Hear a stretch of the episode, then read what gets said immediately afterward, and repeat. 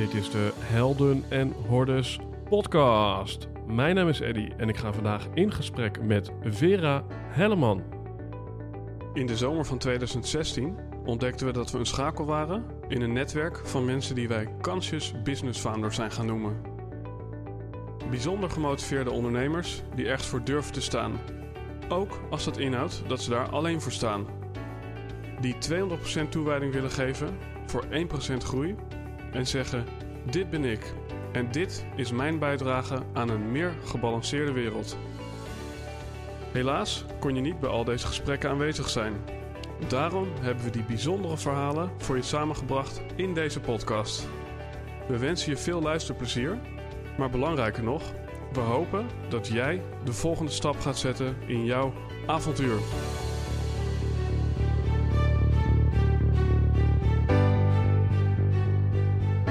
Beste luisteraar.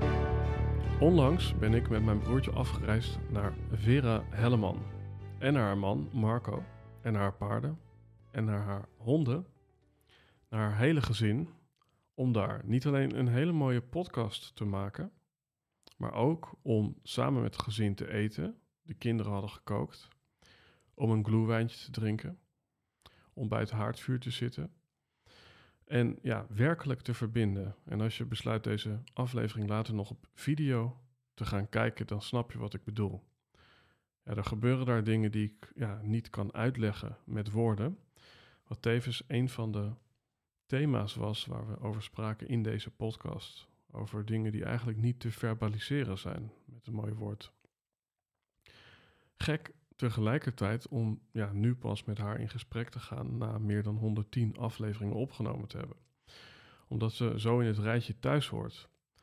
En ik denk dat ik zelf ja, de ruimte heb ja, gemaakt en misschien ook wel nodig had om dit gesprek te voeren. Uh, ik ben er close en personal ingegaan. Ik heb uh, ja, thema's en onderwerpen besproken die ja, in mijn nabije kringen leven, die in mij leven. En tegelijkertijd ja, was het zo thuiskomen en ook zo easygoing. Juist omdat, uh, omdat er ook zo veel nieuwsgierigheid en plezier ja, terug te vinden was in het gesprek. Dus naar mensen zoals Paul Smit, Koos Jansson en Olette Luidwieler gesproken te hebben. Allemaal mensen die in de hoek eventjes, ja, als je het klassificeert, zitten van de non-dualiteit, de spiritualiteit, het bewustzijn. Ja, kon zij natuurlijk ook niet missen in dit rijtje. Voor jou, ja, wie is nou eigenlijk Vera Hellemans? Ze is innovatief denker, schrijver, trainer en inspirerend spreker. Ze werd bekend door haar non-duale visie en ontwikkelde op basis daarvan inzichtelijke methoden voor het werken met emoties en autisme. In haar overdracht is zij kraakhelder, laagdrempelig en liefdevol confronterend. Ik kan nog heel erg veel meer introductie hieraan toevoegen, maar het is een lang gesprek geworden. En misschien ben je ook iemand die na het gesprek een van haar boeken besluit aan te schaffen. En daarom wil ik zeggen, ladies en gentlemen, in gesprek met Vera Helleman. Vera, ja, leuk om jou in het echt te ontmoeten. Ja. Um, wat in het, ja, hoe, hoe het voor mij voelde, en daar zit eigenlijk meteen al een paradox van. Uh, ja, jij voelt, zoals ik zei, uh, in zekere zin als thuiskomen. Ook, ook jouw, jouw huis hier, dat voelt ook als thuiskomen. En tegelijkertijd voelde ik van, dit is nog niet het moment om dit gesprek te voeren. Mm-hmm. Want mijn podcast bestaat al best wel, best wel wat jaar.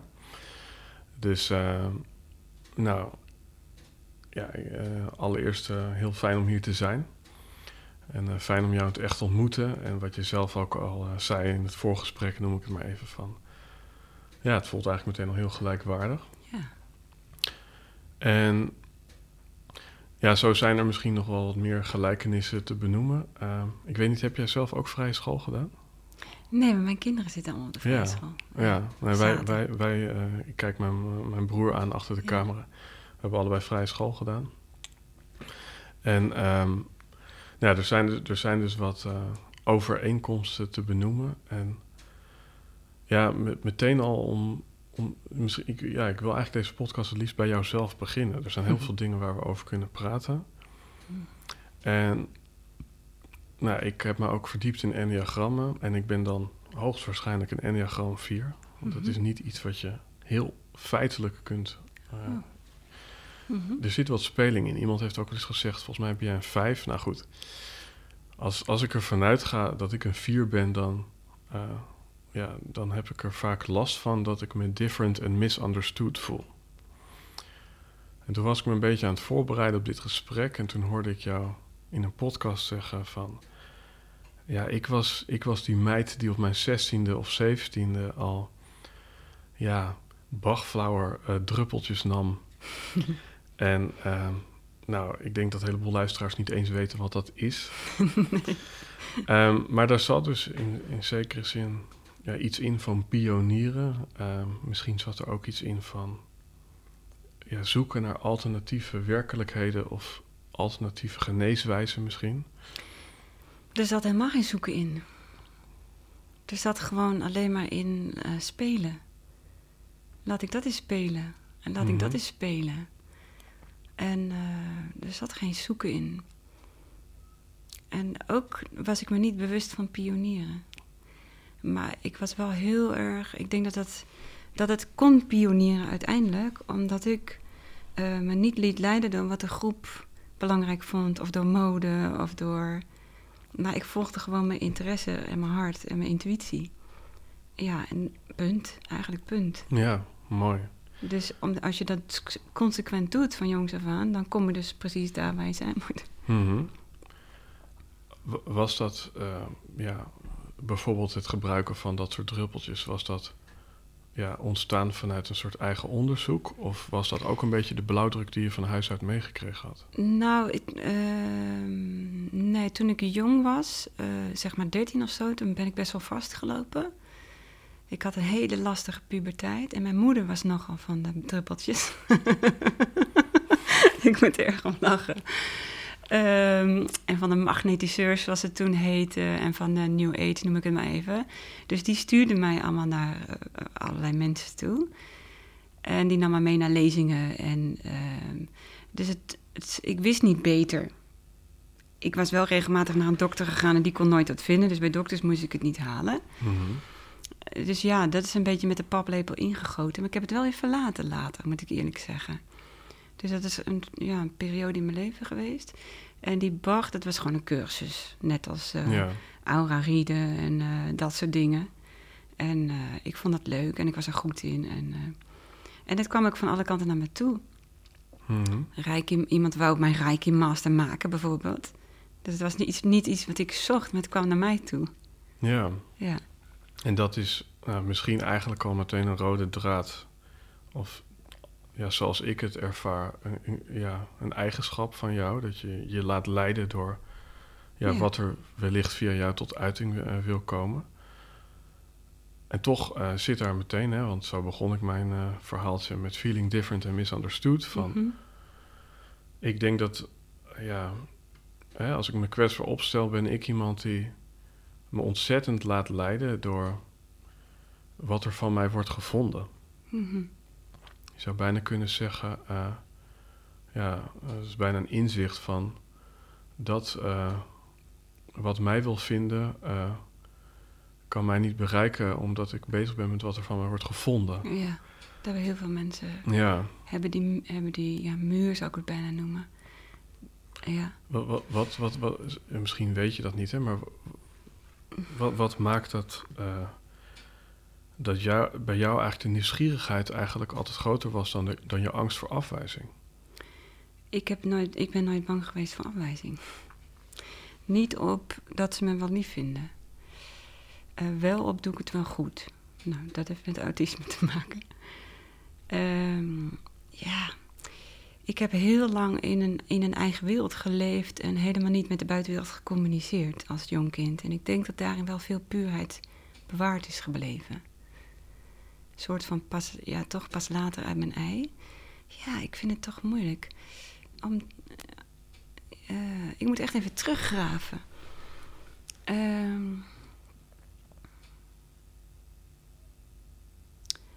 ik, ja, misschien ook wel door mijn ouders, die eigenlijk niet veel van me verlangden of zo.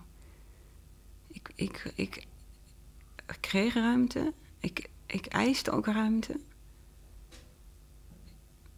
Ja. Misschien toch zoals je bent in de wieg gelegd of zo. Ja. Ik moest gewoon echt vanuit mezelf leven. Ja. En ik keek van de ander en ik observeerde wel, maar dat was buitenwereld. En binnen was een andere wereld. Zoiets. Nou, je doel was dan ook misschien niet pionieren, zoals ik net zei. Nee, ik had geen doel. En tegelijkertijd was het wel zo dat jij misschien ja, in die tijdsgeest en ook op die leeftijd Mhm. misschien toch, ja, zogezegd koploper, dat is geen, niet echt een non-duale term, maar Ja. ja, koploper was eh, ja, binnen, ja, hoe, moet je het noemen, bewustzijn Ja. of spiritualiteit? ja, dat kan wel. Alleen toen heb ik niet ervaren dat ik een koploper was. Want ze vonden me allemaal raar en gek. En Ja, Dus ik was gewoon een andersloper. ja, Maar trouw zijn aan mezelf was, was belangrijker dan conformeren aan de rest. Dat was geweld aandoen. En ik denk dat heel veel mensen zichzelf geweld aandoen. En dat is echt zonde, want je kan dan niet leven. Ik krijg, dan krijg je allemaal vage klachten en zo. En dan ben je niet gelukkig. Dus dat was voor mij geen optie. Mhm. Het was zo'n zo'n besef van, ja, je, het is niet de bedoeling dat je jezelf ja prachtig. kwaad doet of zo. Ik, ik zeg prachtig, hè, om, om, als ik kijk naar mensen in mijn privéleven, ik heb ook wel veel mensen in het spectrum autisme. Mhm. En het lijkt me in zekere zin ook heel bevrijdend om ja, te handelen volgens wat klopt of volgens waarheid. Mhm. Ehm, en daarmee eigenlijk niet ten prooi te vallen aan ja, of het wel conventioneel is. Precies. Ik denk ook wel dat het een stukje opvoeding is. Ik moet ineens wel aan mijn vader denken, ook ras-echt autist. En die ging bijvoorbeeld ja, expres op zondag zijn auto was... omdat hij zich niet wil conformeren in Barneveld, hè. SGB-dorp. Ja. Dus ja, dat is ook wel ingegeven, ja. Toch Ja. zou je ook kunnen zeggen dat je dan juist ook weer heel erg spiegelt met je omgeving als je iets expres niet doet. Absoluut, absoluut. En eh, ik, ik ben niet zo recalcitrant als hem, maar het heeft natuurlijk mij wel geleerd van je hoeft niet per se mee te lopen. En dan zei hij altijd, je moet altijd zelf blijven nadenken. Dus hij, hij gaf het mij ook de leiding in mijn handen, hè, daarmee, met dat soort opmerkingen. Mooi. Ja. Heb je er ergens ook wel een prijs voor betaald? Dat mensen je gek vonden? Of Tuurlijk. ja, Moet ik even over nadenken, welke prijs.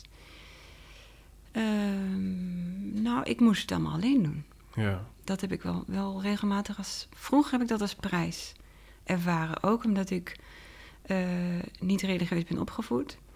In een heel religieus dorp. Dus vriendinnen konden allemaal bidden.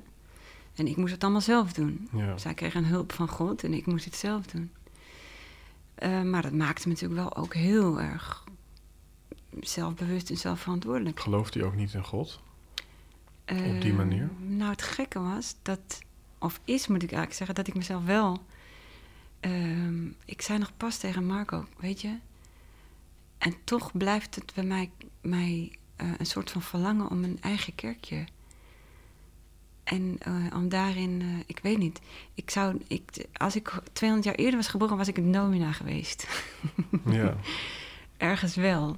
Dus ik voel wel heel erg eh, verwantschap met, een, ja, met dat stuk. Maar ik ben dus niet religieus opgevoed. Ik, ik, eh, ik begrijp dat. Ik, ik weet er ook niet zoveel van. Maar ik moest het zelf doen. En eh, ja, er wordt, ja ik, heb wel eens, ik heb wel eens gehoord dat ik geloof een derde van de mensen, ja, hoe, hoeveel ze zich ook verzetten in hun puberteit, toch weer gaan luisteren naar de muziek die hun ouders luisterden, toch weer het geloof ambiëren wat hun ouders eh, Hmm. ja, hadden. interessant. Hoe, hoe was dat voor jou? Zie jij je op dit moment ja, mijlenver afstaan van hoe je ouders jou hebben opgevoed? Of, of begint de appel toch steeds dichter bij de boom te liggen? Ehm, ja, ik zeg wel eens, kinderen gaan verder waar hun ouders gebleven zijn. Mooi. Dus ja. ze hebben natuurlijk wel een imprint gegeven die heel belangrijk was. En daar moet je je eigen pad in vervolgen. ja, Dus ik zie zeker eh, eh, de aandacht die ze mij hebben gegeven, zeg maar, hè, in, in overtuiging, op het overtuigingniveau, laten we dat aandacht noemen dan.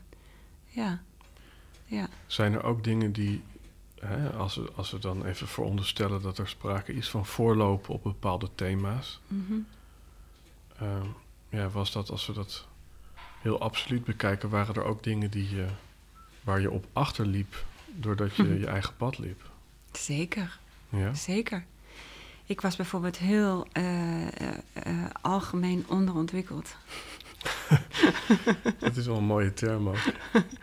Ja. Ja, want ik keek geen nieuws, ik, keek, ik, ik las geen krant, ik keek amper tv. Dat interesseerde me allemaal niet. Het was maar één ding dat ik interessant vond. En dat waren mensen. Ja. En hoe zitten mensen in elkaar? En, en, en dat, daar zit ook een, bijna een paradox in als, ik- als je het zo formuleert. Want Mhm. iemand die heel veel mensenkennis heeft Ja, en zich gelijktijdig eigenlijk nauwelijks wat aantrekt van wat andere mensen van haar vinden. ja. Ja, Ja, inderdaad wel een paradox. ja. Ja. Ja, gek eigenlijk. Maar ik, ik heb nooit de indruk gekregen dat het die mensen om mij ging. Dat is een interessante. Ik was een soort van op de achtergrond aanwezig. Mensen zagen mij niet. Ik was een soort van. Ik, ging, ik was een soort van chameleon die opging in het behang. Ze zagen mij niet. Dus hoe kunnen de mensen dan om mij gaan? Dat maakt Ja. dan toch niet uit? Maar je ging op in het behang en niet in andere mensen. Ja. Want het was niet zo dat je je aanpaste aan wat de norm was. Ik paste me niet aan aan wat de norm was, eh, maar eh, eh, wel eh, wat er nodig was. Laat ik het zo zeggen. Ja. Ja. Hè, dan gaan we misschien wat, wat, wat metafysisch dieper, maar Hm. eh, wie of wat vertelde jou wat er nodig was? Wat een mooie vraag. Eh, ja, je dwingt mij nu echt een beetje naar mijn jeugd te kijken, wat ik niet heel vaak doe, moet ik eerlijk zeggen. Ehm, en als ik nu zo vanuit een, vanuit een overview naar beneden kijk naar hoe dat meisje zich bewoog, eh, voelend, voelend. Dus ik bewoog me tussen energiestromen in, zeg maar. Mhm. Alles voelend. Ja. En waarin zit de weg? Waar zit de? Ik zeg wel eens, waar zit, wat is de weg van de meeste ruimte? Ik zag altijd de weg van de meeste ruimte. Want klem zitten is niet prettig. Nee. en nauw zitten is niet prettig. Waar zit de meeste ruimte? En, en toch voelt het als, hè, ja, vanuit mijn perspectief als de weg van de meeste weerstand. Want iedereen eh, praat over die ene voetbalwedstrijd die jij niet hebt gezien. Ja. Ehm, ik kan me ook voorstellen dat je jezelf constant moet verantwoorden, omdat mensen je niet begrijpen. ja, en, en dat interesseert mij dus niet. Nee. Want misschien heb ik dat al heel vlug opgegeven. Want ze snapten me, leeftijdsgenoten snapten mij niet. En dan was ik raar, maar ja, ik heb dat niet erg gevonden. Eh, Want ik, de manier waarop ze raar over mij praten was ergens ook liefdevol. Want ze mochten mij wel allemaal. Ja, Ze snapten me niet, maar er was wel affectie naar mij toe. ja. Ja. Waren ze eh, verwonderd door jou, nieuwsgierig naar jou? Of, Misschien wel vertederd, ja, denk ik. Er is iets in, verzachtends in mij naar anderen toe. ja. Ik, misschien hebben ze dat gevoeld. Ik gis maar wat, hè. Mhm. Want zo heb ik eigenlijk nooit gekeken. Nou ja, Het kan zijn. Ja. Ik denk dat we tot nu toe een beetje een portret aan het maken zijn van jou. En ik vind dat zelf in het kader van mensenkennis gewoon heel interessant. Ja. Ehm, want ja, ik, ik kan me goed voorstellen, dat is ook wat ik bij jou voel, dat vertederende van nou ja, dat letterlijk en figuurlijk thuiskomen. Dat, dat ervaar ik als ik hier ben. Ja. En tegelijkertijd ben je ook wel een vrouw van de, ja, van de radicale waarheid. absoluut. Ja. Dus ik kan me ook voorstellen dat sommige mensen een beetje bang voor jouw mening of visie waren. Eh, dat kan ik me ook voorstellen, want soms ben ik wel heel confronterend. Mhm. Eh, maar ja, ik ben, ik ben heel erg liefde, zeg maar. Ja. Altijd geweest. Dus ik zag ook altijd liefde. En ik denk ook dat ik, dat ik liefde aanraakte in mensen of verzachting. En eh, ik voel me ook heel vaak spreekbuis daarvan. En soms heb ik echt het gevoel dat ik mensen een schop onder de kont moet geven. Ja. Of alleen maar kan bereiken door een fikse confrontatie. ja. Ja, en dat schuw ik niet. Want, want eh, wat gebeuren moet, moet gebeuren. En is dat ademen van liefde, is dat het gevolg geweest van misschien wel een levensveranderende gebeurtenis? Of, of, of werd je zo in de wieg gelegd? Ik, ik denk één dat ik zo in de wieg ben gelegd, want ik herken het van heel jongs af aan. Dat, ik, dat het mij altijd over liefde ging. Naar mijn ouders, naar mensen om me heen, ging altijd over liefde. En, maar het, het spreken en naar de wereld teruggeven, dat is wel gebeurd na een aantal veranderingen, ja. Mhm. Ja. Welke, Ehm. welke verandering popt zo even op? Welke gebeurtenis? Ja, eigenlijk twee, twee veranderingen. Eén, het moment dat ik eh, in het ziekenhuis kwam te liggen. Heb ik wel eens vaker over ge- ge- verteld. En eh, ja, daarin, als er ingrijpende dingen in je leven gebeuren... ehm, op een of andere manier ben ik gewend te kijken, te observeren. Dus ik hou van observeren. Dus ik, en projecties kijken. Dus ik moest heel erg kijken van... oké, wat zijn mijn projecties op dit moment? Ik hou van het aankijken. Mhm. Want dat, dat brengt je gewoon het meest. In plaats van naar de buitenwereld kijken. Aan, het, de buitenwereld als een spiegel, als een spiegel bekijken. Of als een projectie bekijken. En ermee in interactie gaan. En, en niet weglopen. Kijken Mhm. en in interactie gaan. Want als daar iets is wat blokkeert of wringt... of eh, zorgt dat je nu stilgezet wordt... dan kan je dus niet verder als je eerst kijkt. Mhm. En er iets mee doet. Ja. Dus dat heb ik moeten doen. En dan gaat gelijk, gaan gelijk al die projecties eh, veranderen.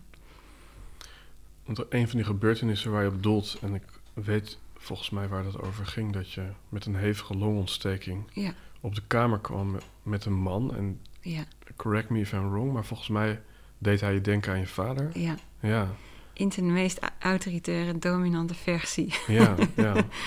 Waarin ook al veel over grenzen is gegaan. Onbewust, begrijp ik ook nu achteraf. Maar ehm, ja, dus ik, ik was heel erg mezelf aan het verexcuseren wel. Ehm, ja, totdat ik dacht, ja, maar als ik, als ik me verexcuseer, dan ben ik dat voor een ander aan het doen. En dat is niet één. Dat betekent, wacht even, wie is er nu belangrijker? Als er nog een ander belangrijker is dan ik, dan is er nog steeds twee. ja. En ik was toen heel erg bezig met eenheid en, en dat hele proces. En toen ik dat besefte, toen realiseerde ik mij echt... wacht even, die hele wereld om me heen is, is een projectie... en er is maar één speler en dat ben ik. Er is er maar één. En dit, Er is dit, maar één ik ook. ik maak wel een hele grote stap nu, maar er is er maar één. Het was een enorm inzicht. Ja, In de ander ontmoet je jezelf was ook zo'n inzicht. ja. Ja, dus, dus dat gebeurde op dat moment. Ik, ik besefte me, er is er maar één. En dus die ene, daar moet je voor zorg dragen.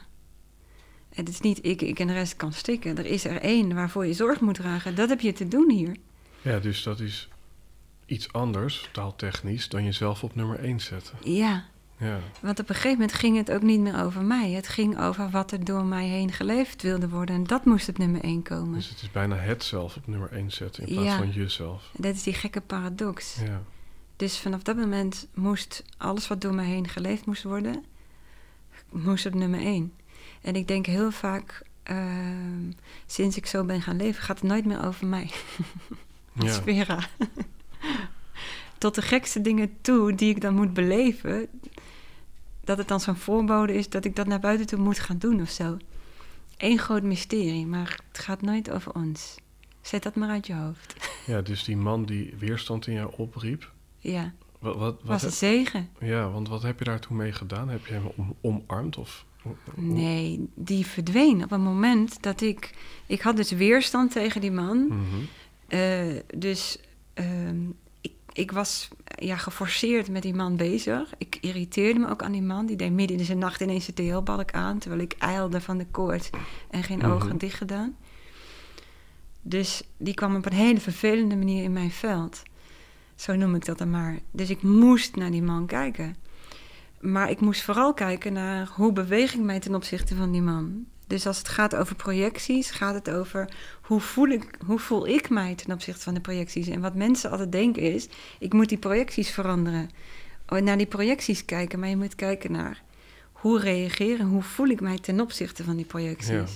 En dan, dan komt de waarheid naar boven. Mhm. En ik was mezelf ja, een beetje aan het gemaakt aan het manoeuvreren ten opzichte van die man. En dat was ongemakkelijk, dat was gevangen. Ja, Dus dat wil bevrijd. Dus, Mooi. dus de drang om te bevrijden was heel groot. En naar vrijheid en ruimte. Ruimte, altijd ruimte. Wat ik opmerkelijk vond aan dit verhaal, dus Mhm. Nou ja, je hebt in ieder geval, ja, volgens mij zou je kunnen zeggen, je bent je bewust geworden van welke gevoelens deze man bij jou teweegbracht. Ja. En nou, dat, dat was let- letterlijk misschien een poort naar bevrijding. Ja. En, en ook ja, figuurlijk, of andersom, omdat je toen ja, gevraagd werd: wil je misschien op een andere kamer liggen? Exact, die zuster kwam naar mij toe. Die zei, wil je misschien een andere kamer? Want dat was echt letterlijk in een half uur. Vanaf het besef, ik terug in mijn bed kwam... Ja. en toen kwam die zuster vragen, weer naar een andere kamer? Ja, En dan ga je synchroniciteit ook begrijpen. Want de, de buitenwereld, die, die verandert à la seconde... wanneer jouw binnenwereld verandert. En ik begreep dat Mhm. principe al, dus ik was echt verheugd. Ja, ja. Oeh, wat zou er nu gebeuren? En die man heb ik nooit meer gezien. En ook niet in andere versies van die man. Nee, want je zou ook, hè, dat was namelijk wat ik dacht toen ik dit hoorde: van Mhm. nou ja, die man, daar, daar, daar ben jij mee in vrede gekomen. Of de projectie die die opriep. mhm. Ehm, ja, dan zou je ook kunnen denken: nou, wel of geen TL-balk, ik blijf hier gewoon lekker liggen, want nu is het weer vrede. ja, maar zo werkt het universum niet. Want ik klopte niet meer bij die man. Want er was geen resonantie meer tussen ons. Want waar het op resoneerde was verdwenen. Dus ik heb geen vrede ge- gekregen met die man.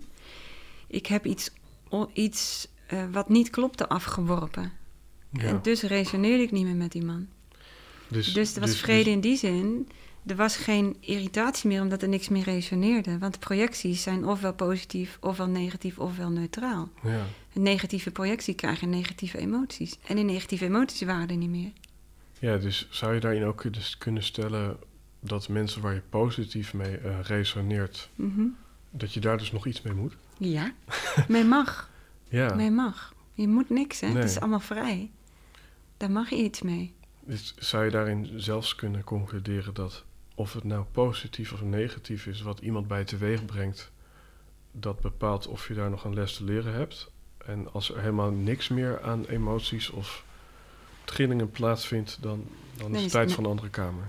Nou, dan is het neutraal. Dan mag je er nog van alles mee. Maar waarschijnlijk doe je er dan niks mee, omdat het niet meer interessant is. Ja, Want wij zitten natuurlijk hier ook in een wereld die we interessant willen hebben. En maken. Was het iets wat jij eh, ergens had meegekregen of was het iets van een soort innerlijk weten dat jij op dat moment ging onderzoeken wat, wat je voelde? Hè, want ik kan me voorstellen dat het in die tijdsgeest, ik weet niet hoe lang dat terug is, maar Ja, het, is, het, is, eh, het doet me ook denken aan de work van Byron Katie. Of Mhm. het, het, het, is, het, het is iets van onderzoek wat je hebt gedaan. dat klopt. En ik heb geen idee of dat mij is eh, geleerd. Niet door mijn ouders, denk ik. Misschien door mijn vader. Want, want hè, Eh. normaal, ja, of nou normaal, maar ik denk veel mensen reageren op zo'n moment primair.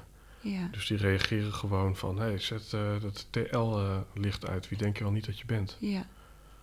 Ik ging altijd eerst naar binnen om te kijken. Altijd. Dus het- misschien, wel, misschien wel vanuit, doe ik het wel goed? Hè? Dus, dus niet ben ik wel lief, maar doe ik het goed? Dus dat is wel een ding geweest. Doe ik, doe ik het goed? Dus dat je moet je naar binnen kijken. Je moet kijken naar, deed je, misschien dat het daar is ontstaan. Mhm. Ik weet het niet. En fascinatie, hè? En ook op een gegeven moment begrijpen, ja, ik kan van alles in die buitenwereld proberen, maar nou, mijn vader liet zich niet door mij veranderen, mijn moeder liet zich niet door mij veranderen, mijn broer niet, mijn niemand liet zich door mij veranderen. Dus ja, je, daar win je het nooit mee. Nee. Dus dan kan je nog maar één kant op en dat is naar binnen. Niemand liet zich door jou veranderen. Nee, En nu zit je op een plek waarin je ja, in de ogen van velen toch life-changing bent. ja, interessant. Ja, zo, eh, ja, ja, ja. In mijn bescheidenheid begrijp ik dat niet altijd, of heb ik dat niet altijd door. Mhm. eerlijk gezegd. Eh, het, eh, wat ik, nou, ik ben niet op zoek naar hoe kan ik iemand veranderen. Ik ben op zoek naar hoe kan ik iemand bevrijden. Hoe kan ik iemands ware kern bevrijden. Ja. En alles wat niet klopt, inprikken en afwerpen. En alles wat niet klopt, wil ik altijd prikken. ja, mooi. En dat deed ik wel van jongs af aan. Ter voorbereiding aan eh, deze aflevering had ik Mhm. een soort werktitel in mijn hoofd. en eh, dat was Benoemen is de poort naar bevrijding. Ja, en dan heel specifiek. Want als je hem dus, eh, en dat is wel een beetje mijn kwaliteit. Ik kan dus iemand scannen en Mhm. ik zie daar waar een misvatting zit of iets wat niet klopt. En, ik, en dan ga ik naar die, en dan prik. Ja. En als je dat heel gedetailleerd doet, als je juist prikt, dus een beetje eromheen prikken heb geen zin. En een beetje, een beetje, een, beetje een, een, hoe noem je dat? Een overview geven over wat er ongeveer, heeft Mhm. ook geen zin. Je moet heel juist prikken. En dan oh, valt het af. ja. Ja. De mensen dan ineens zien hoe ze zichzelf gevangen hebben gehouden. En met het inzicht willen ze dat niet meer. Vanuit mijn eh, zeg maar vak als, ja, ik noem het maar even positioneer meneer. Ja. Ja, citeer ik vaak Blaise Pascal uit geloof 1800. En hierbij schrijf ik u een lange brief, omdat ik geen tijd had om een korte te schrijven. En waarom ik dit even benoem in de context van vaak om iets te fileren tot de essentie, ja, creëer je heel veel niet-essentie Hmm. om uiteindelijk raak eh, tot, de, tot de kern te komen. Hmm. Hè, dus je geeft hier aan van oké, raakprikken is eigenlijk het enige wat, wat werkt en de rest werkt Ja. niet. Ehm, eh, ik moet denken aan Eddie so Zoe van eh, bijna raak oftewel helemaal mis. ja. Ehm, ja, is de weg naar ja, precies aanstippen wat, wat er in iemand speelt, is, is de weg daar naartoe niet de we- ja, een, een route van heel veel misprikken? Ehm, Of, of misschien heel ge- ja, generiek of bij benadering eh, ja, iets duiden. nou, weet je, eh, ik kan pas prikken als iemand zich laat prikken. Dat lijkt Dus- wel een eh, beleid van eh 2020. dat dat toch uit mijn mond mocht komen. Ehm, ja, dus je moet... ik- Kijk, ik kijk altijd hoe kan ik zo direct mogelijk prikken. Ehm, maar ik moet wel kunnen prikken. Dus soms moet je inderdaad trecht... Ik noem het trechteren. Je moet er Ja. omheen laveren en kijken waar, waar kan ik een ingang vinden om daar naartoe te gaan. Zeker, Ja. ja. En daar, daarin heb ik ook een protocol ontwikkeld. Dat is die emotiecoaching, waarin we dat dus Ja. eigenlijk met een methode doen. Ja. Is die scherpzinnigheid, eh, past die daarbij ook bij, bij, bij jouw autisme spectrum? Ja, zeker. Betekent dat ook dat mensen die niet in dat spectrum zitten eigenlijk een veel grotere kans hebben om mis te prikken? Ja, eerlijk gezegd wel. Ja, Ja. dus, eigenlijk, dus eigenlijk is autisme daarin een zegen. Absoluut. En ook, en ja, twee kanten op hoor. Ja, absoluut. Dan- Ja, weet je, je wordt geboren met, met eh, ja, op die plek en met, met, met dat lijfje, met, met dat constellatie, dat het beste is voor waar jij voor bent. Mhm. Dus ja, autisme was daar eh, perfect voor. Ja. Om te doen wat ik moest gaan doen. Wat, wat is jouw definitie van autisme? Eh, voor mij is het een, een, eigenlijk op, op, op constitutieniveau toch een ander soort mens.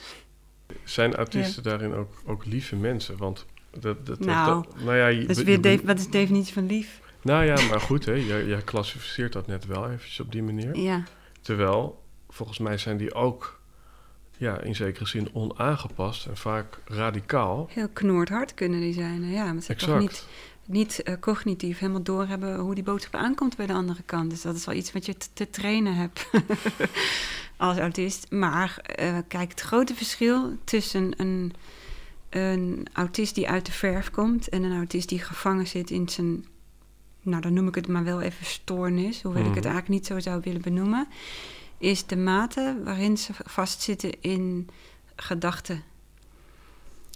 Eh, want die geest die is heel erg. eh, die kan heel goed punt focussen. Daarom kan ik zo goed prikken. Ja. Dus die lees, ze noemen mij wel eens met veren met die laserbeamogen.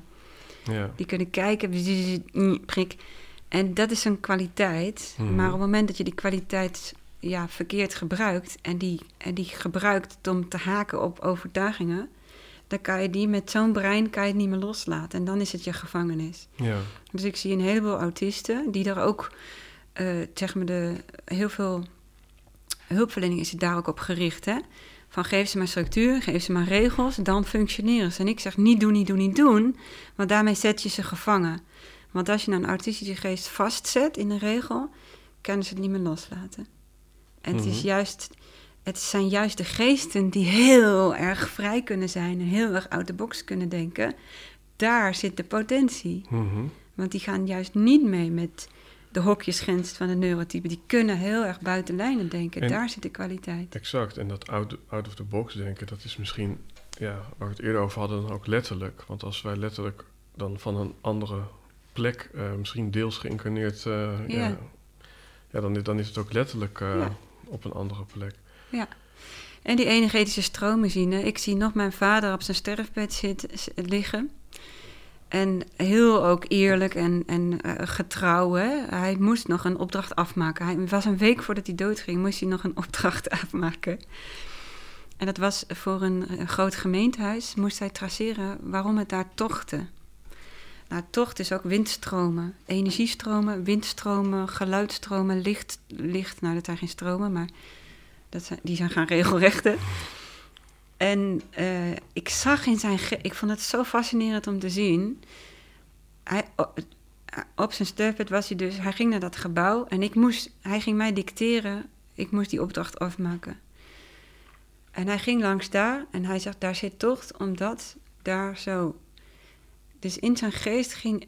Ja, dat is zo typisch autistisch. Gewoon echt gewoon zien hoe die stromen gaan. Ja. Exact doorhebben. Ja. Dus natuurwetmatig logisch. Eh, ja, is het logisch dat daar toch... Het is logisch. Ja, ja. ja, het wordt logisch. Hè? Ehm, intimie van mij die ook nou ja, ge- gediagnosticeerd of, ged- of geduid zijn op autisme, Mhm. die gebruiken ook al heel vaak het woord logisch. Ja. En daar zit een hele grote diepgang in het woord logisch. Ah, ik word er bijna emotioneel van. Ja, Want het woord logisch is wat wij nodig hebben om een nieuwe wereld vorm te geven. Want eh, ze, ze, ze, eh, ze- de chaostheorie, hoe gaat die ook alweer? Ga- de chaostheorie zegt, er zit een onderlinge verbondenheid in de afzonderlijke delen. Zeg ik dit goed? Mhm. Dus, dus als je gewoon kijkt naar de wereld, dan, dan zie je alleen maar chaos. ja, Maar als je kijkt met een ander oog, dan zie je dat alles heel logisch is. ja, En dus als je de logica gaat zien op, de, op het laag van eigenlijk de volgende dimensie, eh, eh, dan ga je ook veel meer vrede hebben met hoe dingen zijn. Omdat, Ja. er, omdat het logisch is dat het zo gaat. ja, Dan ga je de synchroniciteit zien. Dan ga je voelen wat klopt en voelen wat niet klopt. Ja, mooi, En dan ga je wat niet klopt niet meer willen. Omdat wat klopt stromen met de stroom mee die de meeste ruimte geeft.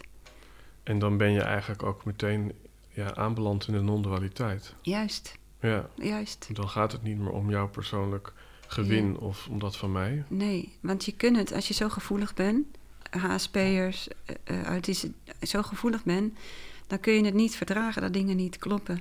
Mhm. Dus je bent er altijd op gebrand dat, dat die stroom Ja. goed gaat. In huis met feng shui, in verbindingen mag er geen ruis op de lijn zetten. In het werk wat je doet moet het kloppen.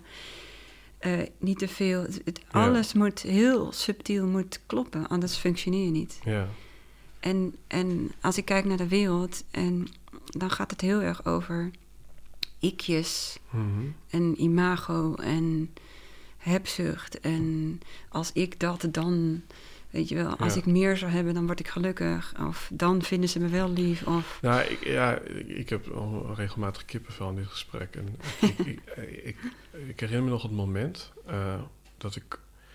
Nou ja, ik heb al een, een aantal keren een soort totale verschuiving gehad. Eh, ja, ik noem dat oneerbiedig wonen, werken, wijven. hm, En ze waren op dat moment allemaal tegelijk eh, verdwenen uit mijn leven. En dat heb ik werken al... wijven. Ja, je kan ook zeggen wo- wonen, werken, woman. Dat is misschien net iets. maar dat is dus ook een soort van. Ik moet altijd, ja, een soort van dwangmatig moeten dingen allitereren. En nou ja, Ja, ja. Ja. Maar, maar dan ga ik je gelijk terugprikken, hè? Want het woord Ja. dwangmatig klopt hier niet bij van mijn gevoel. Kan je een ander woord vinden?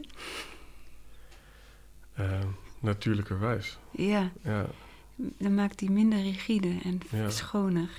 ja, dat is ook. eh, de hardheid is een beetje er vanaf. Ja. ja. en meer, meer acceptatie erop. ja. Want het, dat kan ook niet. Als iets niet klopt, moet het aangepast worden. Dat is, dat is, het is zo'n geschenk om authentiek te gaan leven. Om op deze manier te gaan leven. Want je moet wel een prijs betalen, weet je. Want je imago moet je afgooien. Weet je, wat je dacht te, te nodig te hebben, moet je afgooien. Je hoop en verwachting moet je loslaten. Maar je krijgt zoveel voor terug. Want alles gaat zich na verloop van tijd zetten. eh, organisch zetten, want het gaat ook weer veranderen. Naar hoe het, het voor jou het beste vorm krijgt. Dus op een gegeven moment gaat je leven in een continue organische stroom naadloos op jou aansluiten. En ga je super gelukkig worden. Ja, Dus oprecht leven naar buiten maakt jou uiteindelijk gelukkig. ja. Prachtig. Ja, want het voorbeeld wat, wat ik daar dan bij, bij heb, is dat ik... eh, ik wou toen op een gegeven moment... Ja, ik wou, hè. Ik wou een huisje en dat was dan een losstaand huisje. En op dat moment had ik net een, ja, een break-up met mijn oude bedrijf. En ik had bijna geen geld. Ik woonde bij mijn ouders. Ik had geen relatie.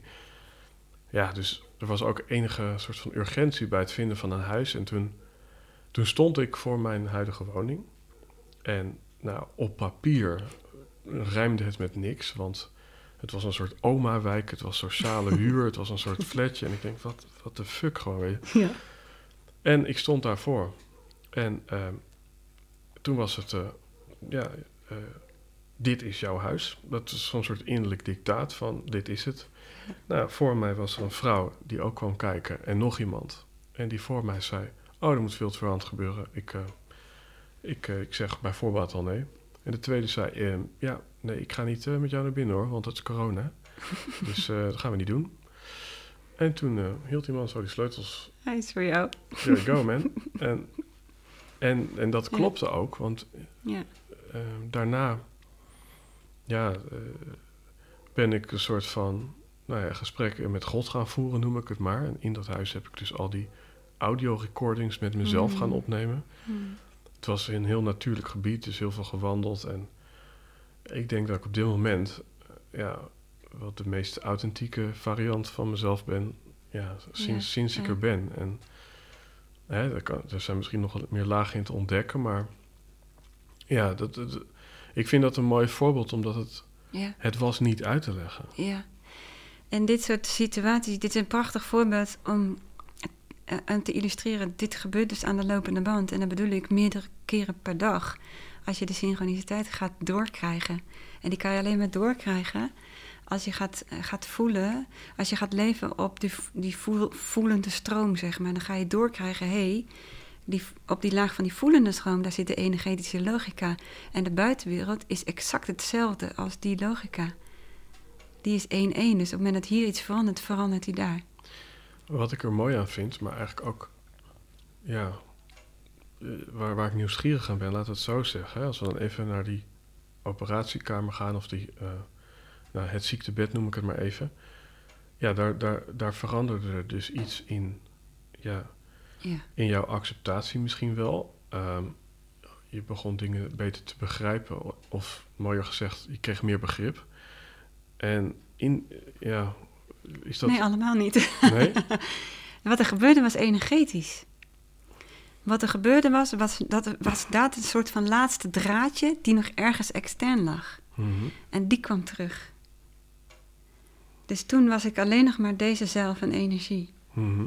En toen kan alles veranderen. Want wat ik, wat het, eh, dit extern leggen van draadjes, van hun eigen energie, dat is wat mensen doen. Want voor die mensen moeten ze zich op een bepaalde manier gedragen, want dat is belangrijk. En voor mijn baas moet ik zo gedragen, want dat is belangrijk. En daar heb ik nog iets nodig voor ooit straks. En daar. Dus het, wat er toen gebeurde was dat al die draadjes kwamen terug. En ik, ik zakte in dit hier en nu. En daar is alleen maar ik en daar is alleen maar nu en daar is alleen maar stroom. Ja, Dat gebeurde er. want wat ik vragen wou is eigenlijk, hè, dat is dan misschien heel duaal bekeken, maar ja, in het kader van een soort synchroniciteit ging er letterlijk en figuurlijk een nieuwe deur voor je open toen. Exact. Maar stel nou dat die, die, die man die op jouw vader leek op die kamer, ja, een soort weerstand tegen het hier en nu bood. Ehm, Mhm. ja, eh, was die deur dan ook open gegaan? Daar bedoel ik mee van, ook zijn omgeving past zich aan op hoe, ja, op, ja, op hoe hij wel of niet deelneemt in het hier en nu of samenvalt met het hier en nu. Mhm. Eh, ik moet even denken, even vertalen of ik jouw vraag goed begrijp. hè. Je bedoelt, wat, wat heeft mijn verandering voor effect gehad in zijn leven? Bedoel je dat? Nou, wat ik eigenlijk bedoel is, eh, ja, het leven ontvouwt zich. eh, ja, hoe meer jij zeg maar in het hier en nu komt en samenvalt met, met de waarheid, zou je kunnen zeggen, hoe meer er een moeiteloze en misschien vredige toekomst zich ontvouwt. Of Mhm. ge- gebeurtenissen ja, eh, volgen op, op jouw staat van zijn. Ja, Maar dat geldt ook voor deze meneer. zeker. En misschien was voor hem, als hij zeg maar in zijn staat van zijn zat, was het juist goed dat jij op de kamer bleef. Dus dan is Ja. jouw synchroniciteit gaat ten koste van die van hem, als je snapt wat ik bedoel. Ja, maar er zijn geen foutjes. Dus eh, stel, stel je voor dat vragen, eh, die bestaan eigenlijk niet. Wel om het concept te snappen, hè? Mhm. En het concept snappen in, in dit geval.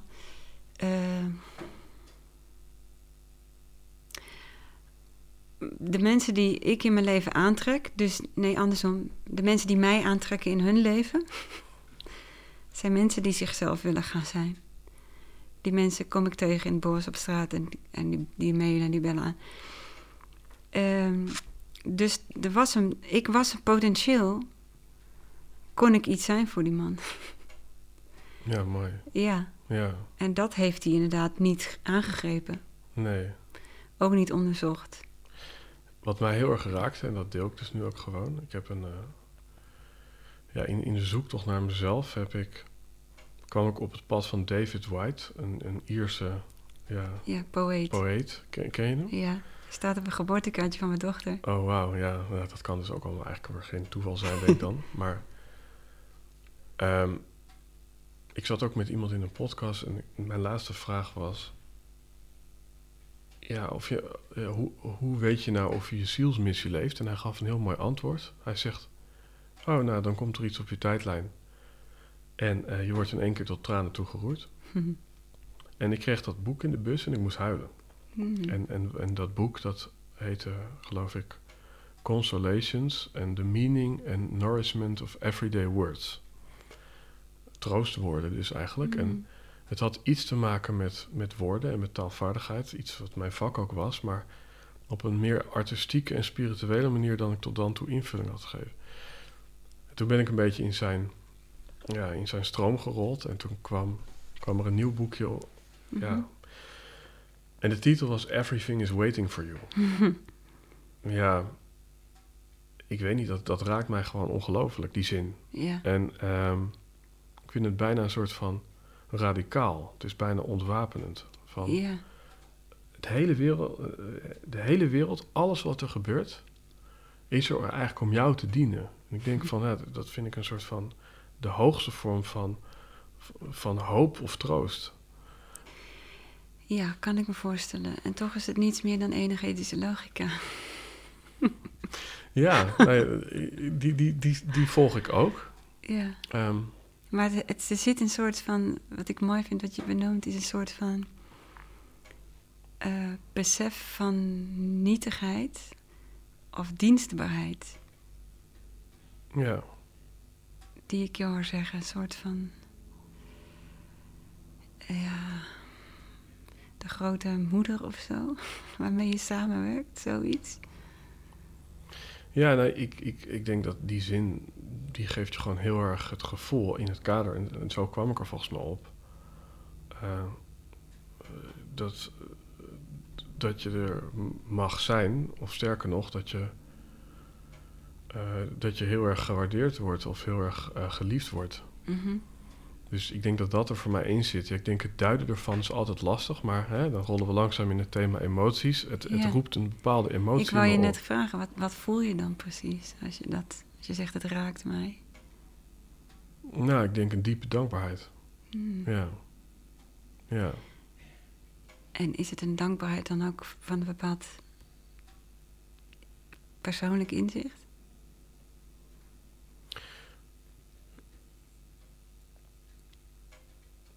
Nou, er zit iets moois in en dat is dat eh, ik eh, ja, ben één keer eerder zo geraakt in mijn leven. En dat was toen ik een quote van Quincy Jones hoorde. En dat was: In life you have to scrape away everything so there's nothing left but truth. en de waarheid raakt en de waarheid uh, ontroert. En uh, ja, de waarheid is moeiteloos. En wat die zin met me doet, is een gevoel van. Er hoeft niks extra's, er hoeft niks weerstandigs of uh, ja, extreems te gebeuren. Maar enkel en alleen door er gewoon te zijn en je te laten dragen. Ja uh, zal het mooist mogelijke gebeuren. Ja. Dat, dat zit erin. Weet je wat ik zag gebeuren toen je hierover sprak? Het was energetisch ging er zo'n lijntje. Uh, ik doe maar even bij, jezelf, bij mezelf, maar ik zag het bij jou gebeuren. Dat lijntje ging een soort van, hier kwam het binnen, zoef, naar onder in je buik. Alsof het een soort van connectie maakte met uh, de bron van wie jij bent. Jouw wezensenergie. Een soort van, oh ja, en als je, want dat is ook de route die mensen, die mensen gaan. Hè? Ze moeten weer terug naar, naar dit en vanuit daar. Maar kan het naar buiten? ja.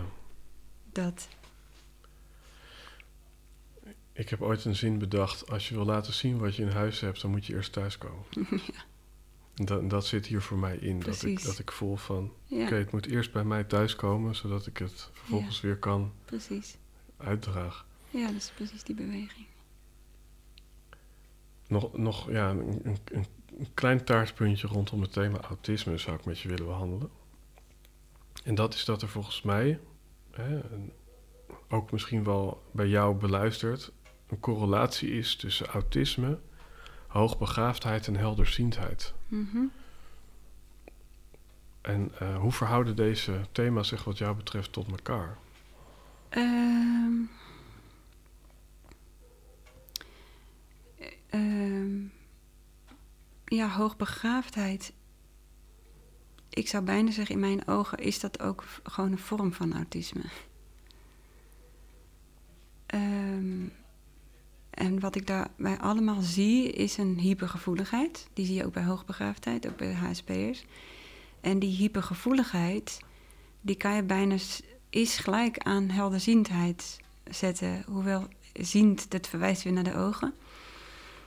Maar uh, als je het hebt over die gevoeligheid, dan de, de, de resonantie waarop deze mensen vibreren, om maar even in energietaal te spreken, is hoogfrequenter, waardoor die makkelijker voorbij uh, ja, informatie kunnen oppakken in die laag. Die me overigens doet denken aan, uh, aan een uit, uit, uitspraak die Elon Musk deed.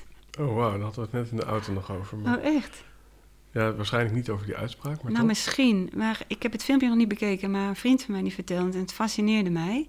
Dus hij heeft het ook weer gefilterd. Hè? Maar uh, wat, wat hij zei was dat de mens, zeg maar, dat de tijd zo snel gaat en de, dat de mens die doet nu output en input via het brein. En dan moet het eerst cognitief worden en dus in taal omgezet worden. Dus informatie komt binnen, moet omgezet worden in taal en gaat er ook niet buiten in taal. Maar taal is heel traag super traag. Dat is, dat is uh, ik, zeg, ik zeg altijd maar zo, waar taal is, is verhaal. Dit is, dit is bijna die menselijke laag, zeg maar.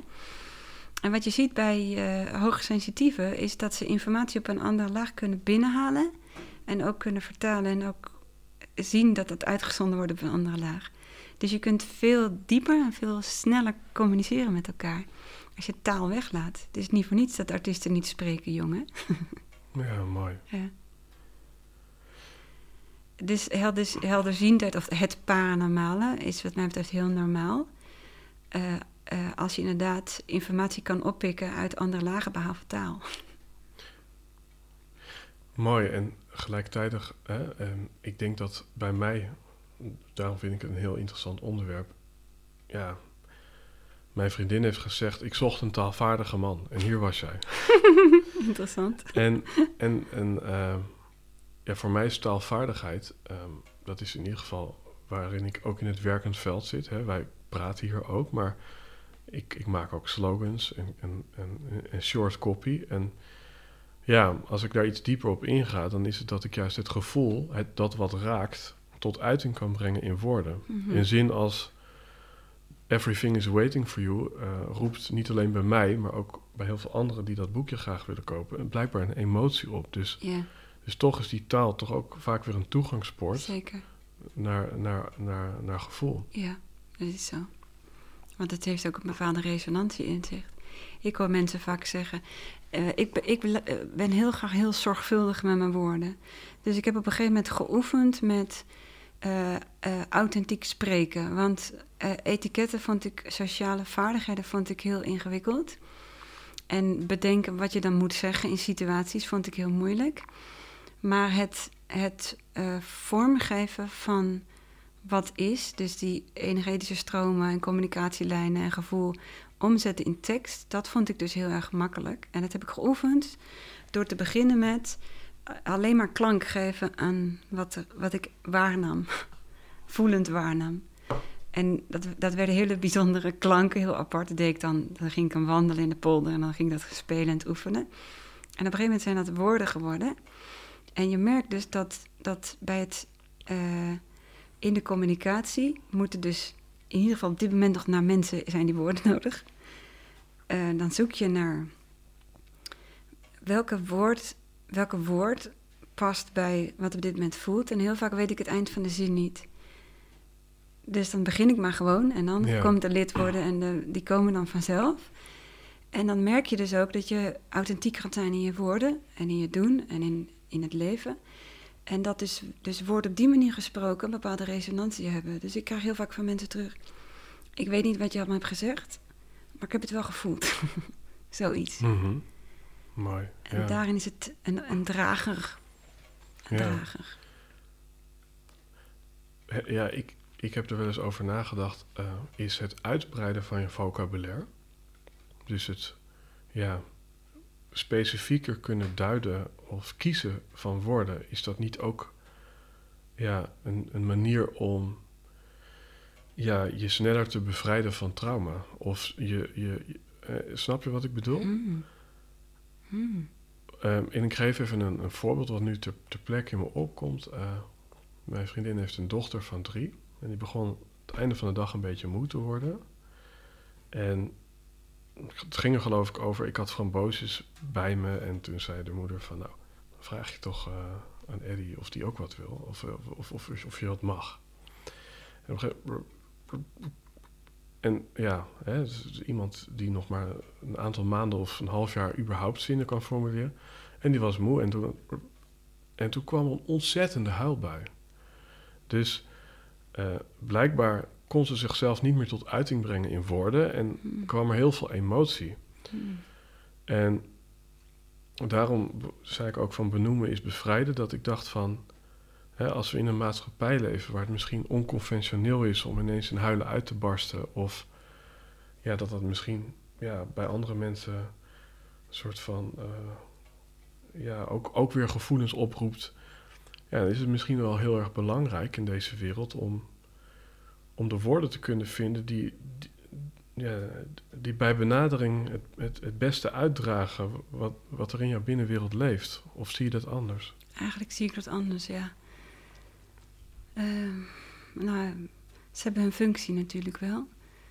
Maar wat mij nog veel interessanter lijkt, is dat het niet meer geverbaliseerd hoeft te worden in deze wereld. Wij leven in een wereld waar alles geverbaliseerd moet worden. En dan ben ik met je eens dat de juiste woorden veel doen. Omdat je daarin ook een soort van prikt en authenticiteit leeft. Maar ik zou het nog leuker vinden als die woorden niet nodig zijn. En dat er gewoon kijken en verbinden. Mhm. Want ik zie heel vaak mensen praten die helemaal niet verbinden. Ja, En als je verbindt, heb je die woorden niet nodig. Want dan gaat de communicatie veel sneller. Mhm. En dan, dan kon je aan haar voelen dat ze het heel fijn vond, misschien om een framboos te krijgen. ja, ja, ja. Bij wijze van. Ja, dus wat maakt dat, dat zij in paniek raakt, dat ze moet dat vragen. ja. En dat is wellicht een mooi bruggetje om ja, Mhm. iets dieper in te gaan op het thema emoties. Mhm. En dan leg ik het vuur misschien meteen aan je schenen, weet ik niet hoor. Maar ehm, ik ja, hou zelf erg van een cursus in wonderen. Mhm. Waarin eigenlijk alles wordt teruggebracht of geduid als angst of liefde. Hè? Mhm. Dus je zou kunnen zeggen Mhm. twee basis gewaarwordingen of emoties. En toen het eventjes heel erg wat minder met mij ging, ehm, in The Dark Night of the Soul, toen eh, zocht ik een boek op bol.com wat uitverkocht was met de titel De Emotie-encyclopedie. Eh, waarin eh, niet twee emoties stonden, zoals in de ja, magische cursus, maar er stonden er nog 348 extra. ja. Ehm, ja, en, hè, als je dan toch hebt over autisme, ja. ik kreeg een enorme kortsluiting. Van, ik. ik. heb eh, GVD net geleerd dat het er twee zijn en nu moet ik er Ja. nog 348 duiden. Ja, Hoe, verhoudt het een zich tot het ander? In principe verhoudt hij zich wel. In die zin, eh, eh, eh, er was een van mijn studenten, die was ook, die, nou er zijn heel veel mensen zeker in, de, in die spirituele scene, laat ik het zo maar even zeggen, die alles differentiëren tussen liefde en angst. Waar, we, waar, we, waar ze wat mij betreft eigenlijk een differentiatie maken tussen eh, eenheid en dualiteit. Eh, ik heb de emoties in acht groepen verdeeld. eh, waarin dus liefde en angst wel een speciale positie innemen. Dus gecorreleerd aan die acht emotiegroepen, en dit gaat heel diep, hè? Mhm. Gecorreleerd aan die acht emotiegroepen zijn ook acht eh, levensthema's, levensgebieden. Eh, ook eh, acht boodschappen die ze ons willen geven in allemaal verschillende gradaties. Dus vandaar nog meer emoties. Mhm. Dus dan heb je de emotielodders. Dus het is een heel, eigenlijk een heel natuurlijk. Het heeft te maken met structuur. frequenties, toch? Mm, ja en nee. Het, het, is, het is eigenlijk. Eigenlijk zijn die emotiegroepen en die acht emotiegroepen een soort van blik in hoe de schepping gemaakt is. Zo diep gaat hij. Waarin liefde de eenheid symboliseert en het dus thuiskomen in ons ware zelf. Eh, die eigenlijk een, soort van, als ik een lijn moest trekken tussen de duale wereld waar wij in leven en daar waar wij vandaan kwamen, de baarmoeder, Mhm. Zit liefde daar. Dat is de basis van alles. En emotiegroep angst gaat over de dualiteit. En dus het daar en straks en de ander. Ja. En dus ik snap de tweedeling tussen angst en liefde. Ik zou zeggen emotiegroep angst, emotiegroep liefde, dus de dualiteit en de eenheid. Maar als je kijkt op de laag van de dualiteit, dus het leven hier in deze derde dimensie, of neem er een paar bij, whatever. De crea- creatieve, de creërende, manifeste wereld. Dan zijn er nog eh, zes groepen, dus totaal acht, nog zes naast angst, die ons richting geven in deze wereld die bijvoorbeeld gaan over daar waar het over onze gezondheid betreft, daar waar het over onze roepings betreft, over onze daadkracht, over eh, eh, het gereedschap om te manifesteren. Dus in de duale wereld heb ik ze dus nog in zeven brokjes verdeeld, omdat het leven dan een stuk makkelijker is. Ja. Want als je het indeelt, de meeste mensen die snappen de diepgang hier niet van en die snappen ook niet hoe ze met dualiteit om moeten gaan. dus we kunnen ze wel in tweeën opdelen. Ja, ga je naar eenheid of naar dualiteit. Maar dan weten ze nog niet hoe ze met dualiteit moeten omgaan. En daar, heeft, daar is de wereld wel in zeven dagen geschapen. Ja. Ja. Vanuit liefde. Dus die acht die zijn erg diepgaand over hoe de schepping is opgebouwd. En, en is het al dienend om te weten in welk van de acht je zit? Of is het vooral belangrijk om te weten of je verleiding of bijvoorbeeld verlangen nastreeft? Of dat je nieuwsgierigheid of verrastheid in je, in je genen... Of in nou, laat ik het zo zeggen. Op het moment dat je dus al die emotiegroepen begrijpt echt ten diepste... dan kan je, ben je dus levenskunstenaar geworden op al die gebieden. En dan heb je tegelijkertijd alles gezuiverd... als er maar een thema was op een van die levensgebieden. Dat is de kracht ervan, Ja, ja. Dus het benoemen. Hè, want eh, ik merk dus dat het soms ook gewoon lastig is. Ja, Ik heb het boek overigens nog steeds niet. Ik vroeg me af, heb jij hem hier niet liggen? ja die eh, krijg je van mij mee. Vergeet het me niet zo te vragen. Oh ja, te gek. en, ehm, maar ik, ik kan me dus ook voorstellen van, ehm, hè, als we het dan toch hebben over waar we het eerder over hadden, van oké, het specifiek aanpunten van dit is er met jou nu gaande. Ja. Ehm, ik merk dat ik het dus heel moeilijk vind om, en dan weet ik dat er mensen zijn die daar nog meer moeite mee hebben, Ja. om überhaupt te weten welk van de 350 is er nu eigenlijk gaande. Absoluut. En dat is het probleem van het verbaliseren. Ja. Want dan moet je een woord geven aan wat je voelt. Dus ja, en een boek is een boek, dan moet je het met woorden doen. Maar in de Ja. trainingen gaan we echt op voelniveau. Hoe beweegt deze emotiegroep? ja. Zodat je het leert herkennen op voelniveau. En dan hoef je het niet meer te benoemen, maar dan weet je eigenlijk precies wat er aan de hand is. ja. Ja. Toch is in de volksmond, en dan ga ik weer even één stapje terug in de materie, ehm, is autisme nou niet de directe associatie met eh, extreem goed kunnen voelen of de gevoelswereld. Ja, en dat is absoluut een misvatting. Want waar de misvatting zit, autisten vinden het moeilijk om het te verbaliseren, maar die kunnen heel goed voelen. Heel goed voelen. Ja, En ook een misvatting daarin is dat vaak wordt gevraagd: hoe voel jij je? En ze struikelen over het woordje jij, omdat er het, om, dat is door het ontbreken van het ik-referentie. ja, Dus om bij het gevoel te kunnen komen, moeten ze dus de horde nemen van de ik. En die is niet vindbaar, dus komen ze nooit bij gevoel uit. ja, Dus als ik zou vragen, hoe voelt dit? Dan is die heel makkelijk te beantwoorden. ja. Ja, ik, ik zit meteen, hè, ook niet, niet, niet enkel voor mezelf, eh, maar met name voor mensen in mijn omgeving. Kijk, vanuit, vanuit het enneagram, kijk, eh, eh, ik, ik zit dus heel erg op dat gevoel. En ik merk dus eh, dat als ik mijn partner vraag aan het einde van de dag, hoe voel jij je? Ja, zij is enneagram 1, dus zij toetst dingen heel vaak aan performance. Heb ik gedaan die dag wat ik wou doen? Ja. Dus ik merk als ik haar s'avonds vraag, is het een beetje gelukt wat je van plan was? Dat vind ze een heerlijke vraag. Terwijl, hoe voel jij je?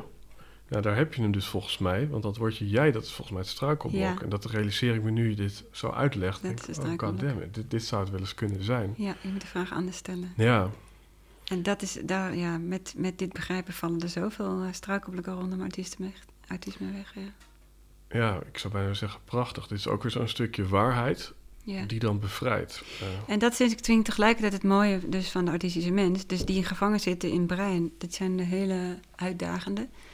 Want die als Mhm. sharks gaan ze, bevechten ze hun waarheid mentaal. Hè?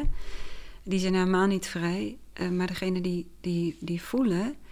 eh, het, het interessante is daarvan ook dat, dat ehm, persoonlijke voornaamwoorden zo worden gemixt. En eh, het wordt een soort van collectief voelen. ja. Ja, het, het wij is ook zoiets. Wat, wat ik dan heel eh, interessant vind, hè, dan moet ik ook opnieuw denken, eh, me- aan, ja, aan mensen denken in mijn eh, directe omgeving, van, die dus ogenschijnlijk ook autisme in hun pakketje hebben. Mhm. Als het ik-referent ontbreekt bij een autist, ja, misschien is die vraag al eerder ingesteld, maar hoe concludeerde jij op een gegeven moment dan dat jij eh, ja, autist was? Eh, nou, mijn, mijn man die kwam met een filmpje aan. Het was een interview met eh, Judith Visser. En hij zei, nou ik weet niet waarom, maar je moet even kijken op 14 minuten. En toen sprak zij over haar jeugd. En ik dacht, oh, dit is precies mijn jeugd. En ja, toen, toen ontplofte wel even een bom. Oh, eh, ja. Was dat thuiskomen of was dat juist dissociatie? Nou, nee. Wat, de bom die ontplofte was één, het was een opluchting. Ehm, want met het begrijpen van wat autisme is, ehm, ga je ook meer trouw zijn aan jezelf. Dus dat was nog meer een weghalen van alles wat niet klopte in mijn leven.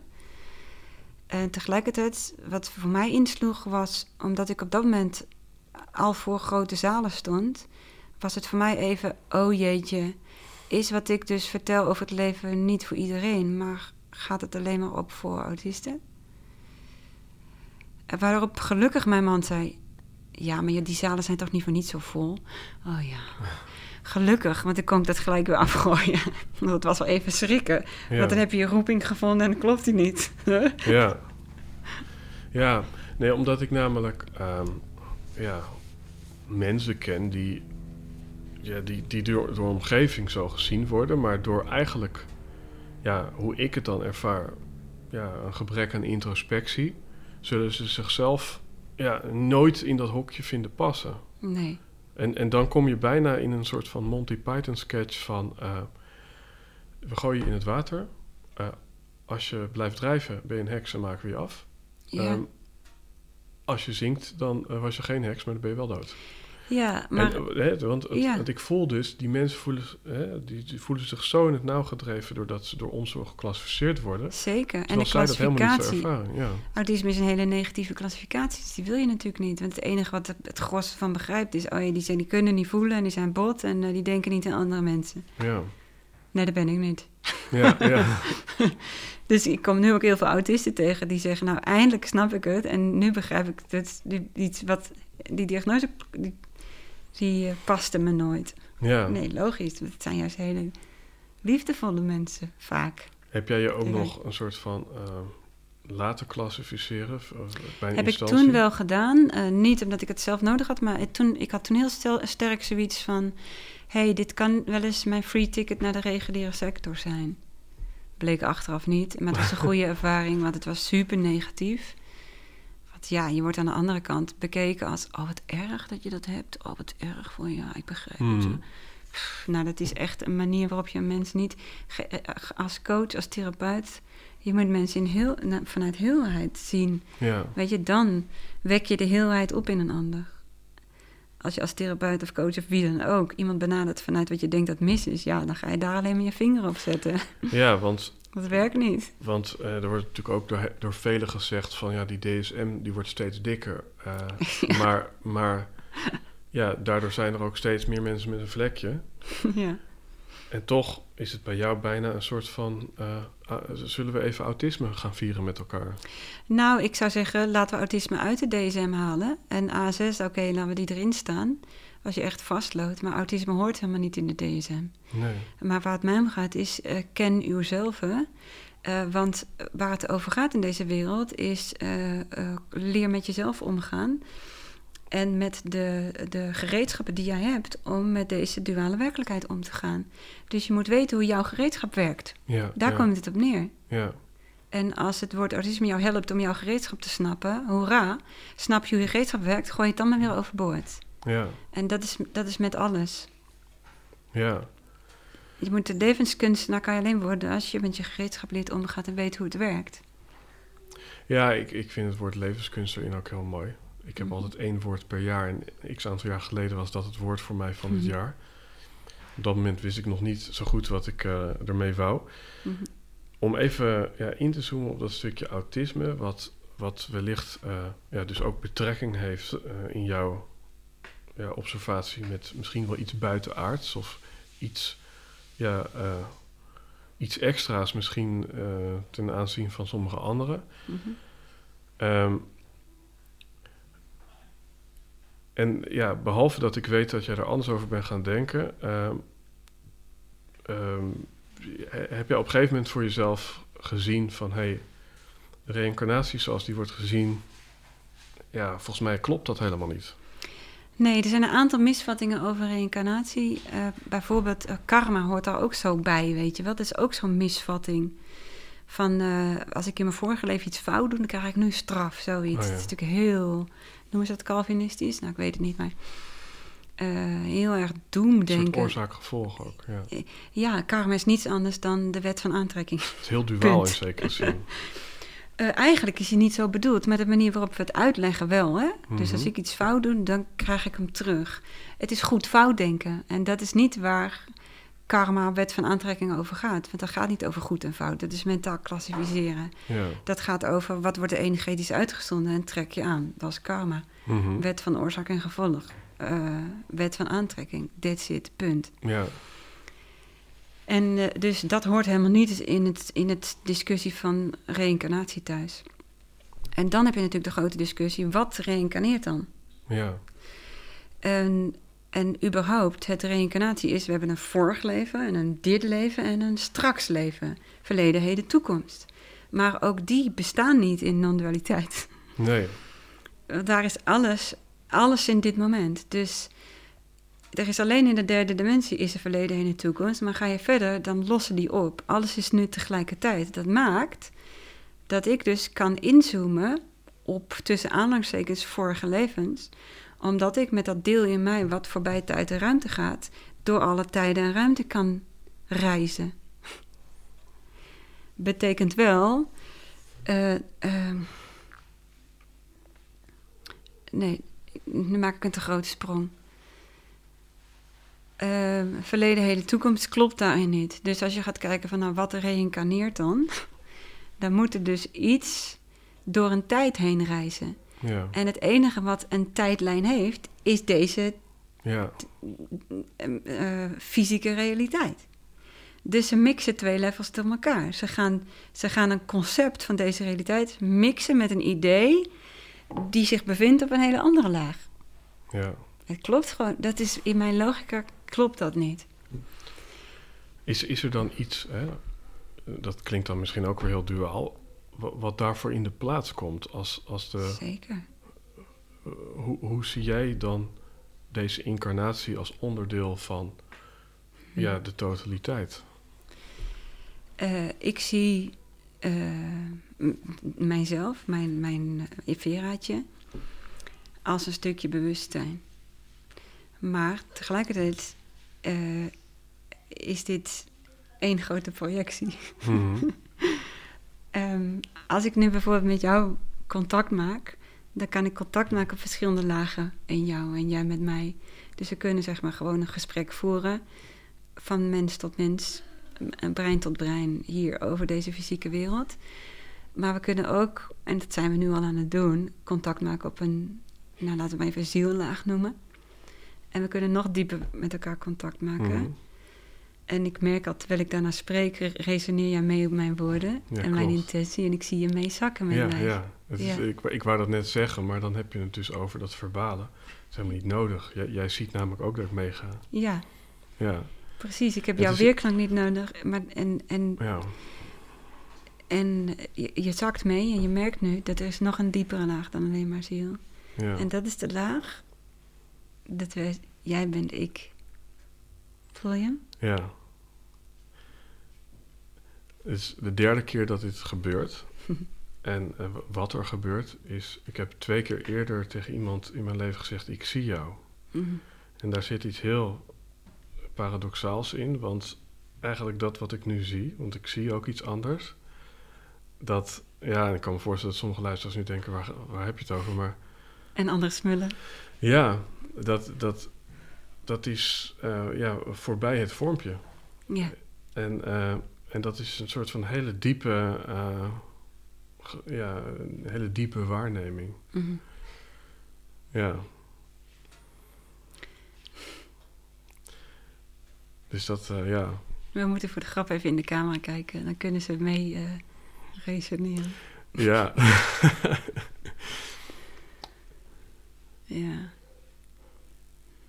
maar ik, ja, ik, ik vind het bijzonder dat, dat, dat het dus ook blijkbaar mogelijk is om dat jij met mij als het ware in, ja, in woorden, als het ware, stapje voor stapje meegaat naar een soort andere metaniveau. Mhm, ja.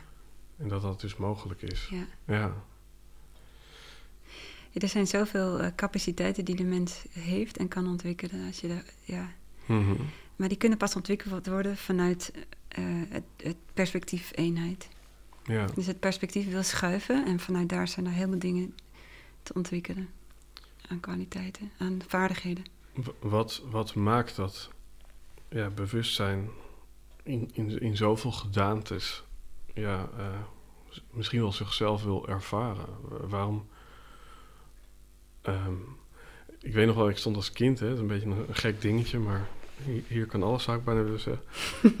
ik, eh, ik, ik stond eh, op een balkon in Zwitserland en jij was er ook bij, en mijn vader ook, mijn broer achter de camera. En toen zei ik, ja, pa, er komen toch eigenlijk steeds meer mensen. Ja, dat heb ik me ook wel eens afgevraagd als kind. Ja, toen dacht ik van, oké, kan er komen, niet? komen dus ook steeds meer zielen of zo. Ja. Ehm, Hoe dan? hoe dan? ja, Ja, ik heb me exact hetzelfde afgevraagd. ja, Ja, dat is niet logisch? toen dacht ik van, oké, wordt de mens dan ook steeds meer light of zo? Als je snapt wat ik bedoel. Van, Ja. het zijn steeds misschien... Als het allemaal uit één bron moet komen, ja, dan wordt de limonade wel steeds een stukje dunner, weet je. Ja, ja. Ook daarin valt het stukje reïncarnatie weg als je dat denkt, als je dat, als je dat Ja. beseft. Nou, exact dat, ja. Ja, Ja, ja, ja, en er zijn heel veel dingen, de- dat concept rammelt aan alle kanten, laat ik het zo zeggen. ja, En tegelijkertijd zit er wel een schoonheid in het, in het woord. Ja. En het idee van, het- misschien is een incarnatie niet anders dan een menselijke gedaante waar bewustzijn in huist. Of andersom, eigenlijk huist de menselijke gedaante in het bewustzijn. Ja, dus eh, nou, beste luisteraar. Als je het nog snapt. ja. Ja, eh, hè, maar ik denk ook dat eh, een cursus in wonderen, hè, want we maken er nu een beetje een grapje van, maar die, ja. die, die, laten eigenlijk, die laten eigenlijk zien dat we eigenlijk dat, dat- de wereld op zijn kop staat. En dan bedoel ik dat Mhm. positief, dus dat we dingen vaak binnenste buiten ervaren. Ja, absoluut.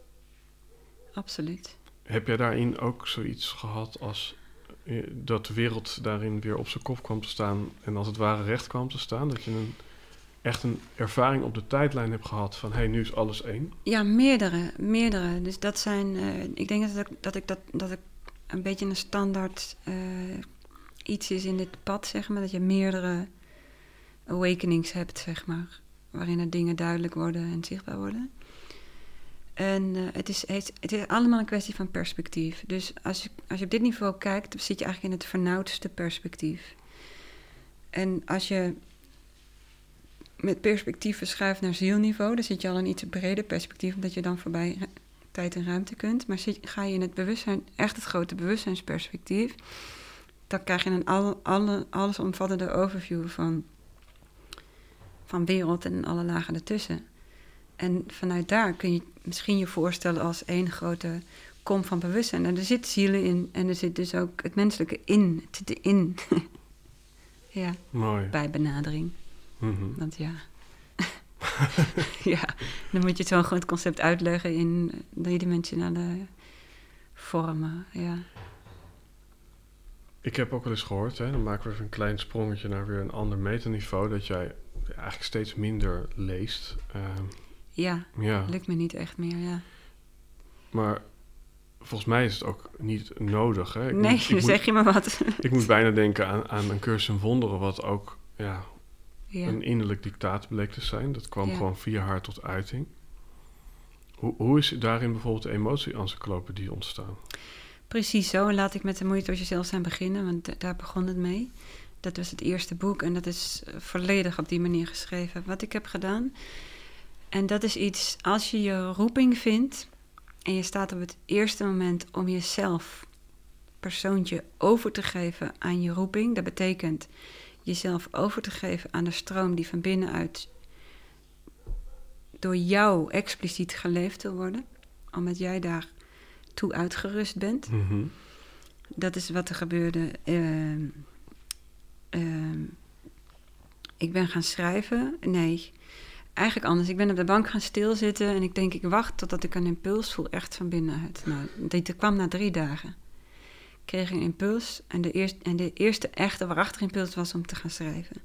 Ik ging achter mijn computer zitten en ik doe mijn ogen dicht. En ik heb als tienjarige mezelf tienvinger blind leren typen Die kinderen moet je gewoon laten doen. Ik had dat nodig, want ik kon dan met mijn ogen dicht typen.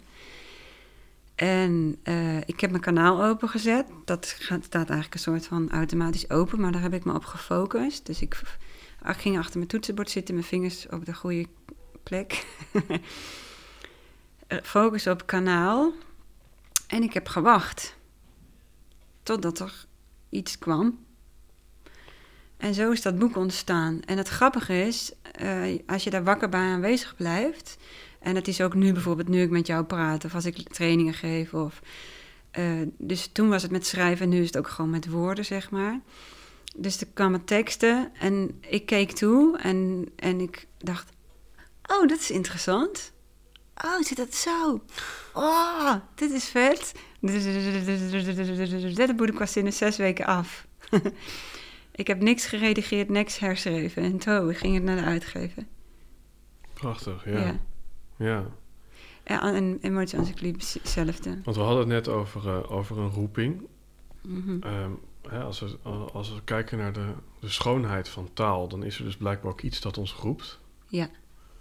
Was er voor jou een moment dat je wist, dit is mijn roeping?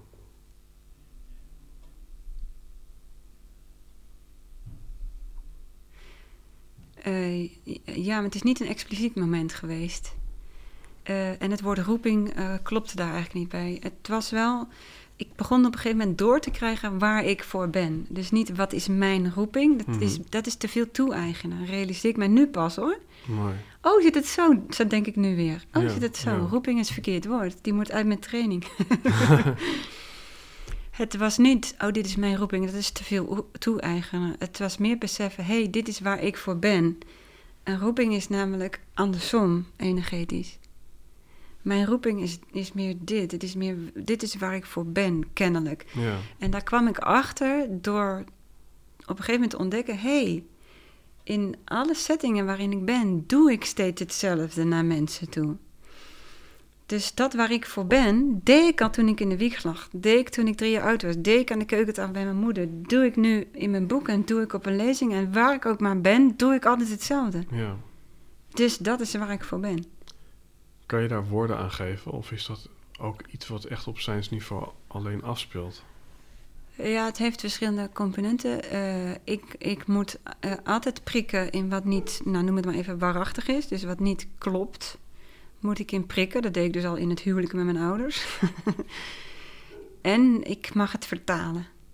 Want eh, mensen, en het speelt zich af op het niveau van mensen. Dus, eh, eh, dus ik moet het ook verbaliseren zodat mensen het ook mentaal snappen. Want mensen die, die zitten mentaal in een valkuil van iedere keer dezelfde mentale gedachten over continu weer hergebruiken.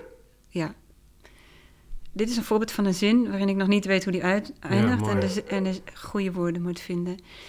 Dus mensen zitten dus eh, continu in hetzelfde. Dus, dus het is belangrijk stel, ik zou het alleen op energetisch veranderen, wat kan, dan gaan ze het weer heroproepen en Mhm. zitten ze weer in dezelfde valkuil. Dus Ja. het moet tegelijkertijd energetisch en mentaal gesnapt worden en dan pas kan het echt afvloeien Ja. en kunnen ze meer iets terughalen van buiten eigenlijk. Dat is wat ze doen, ja.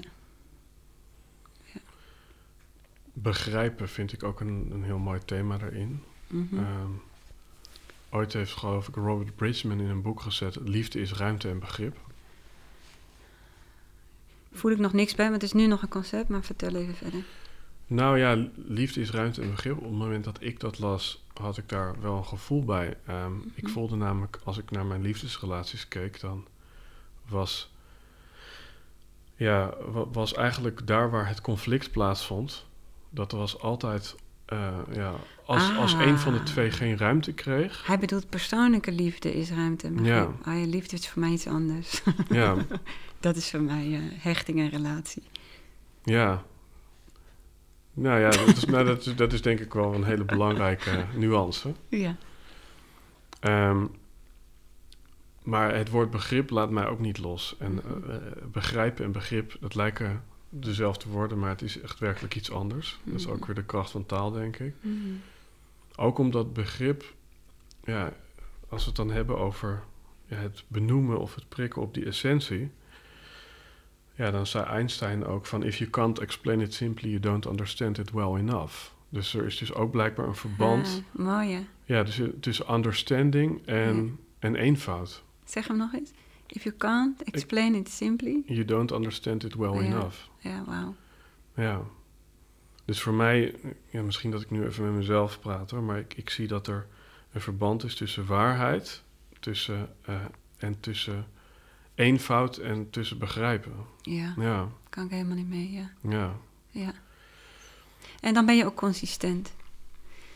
Ja, ik krijg vaak terug dat ik dingen in Jip-Janneke kan, taal kan vertellen, maar ook heel erg consistent. Ik volg bijvoorbeeld nu een cursus en, en die vrouw is gewoon niet consistent in wat ze vertelt. Dus gaat het rammelen. ja, En iets wat je goed begrijpt, dus dat mag niet rammelen. ja. Prachtig. Ja.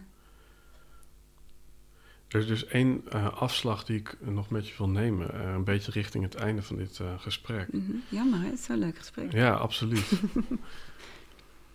Ehm, en dat is de afslag trauma. Hè. Ondertussen komt er een kat bij en daar wil ik het eigenlijk ook even over hebben. Van waar ik heel erg op aanging, en dat, dat toets ik dan even bij jou, voor mij was dat, ja, was dat ook echt ontwapenend. Hij zei van ja, eh, Jan Bommeré die, die zei in een interview ooit van... Ja, we zijn allemaal aan het vechten, eh, bevriezen of aan het vluchten... op het moment dat het eventjes heet wordt onder onze voeten. Ja, ik ben dan weer van de taalvaardig, dus het moet dan vechten, vriezen, vluchten. Want dan is het weer VVV en dan kan mijn hoofd weer mee. Dat rijmt. en toen zei hij van ja, maar er is ook een vorm van, nog een V, veiligheid vinden...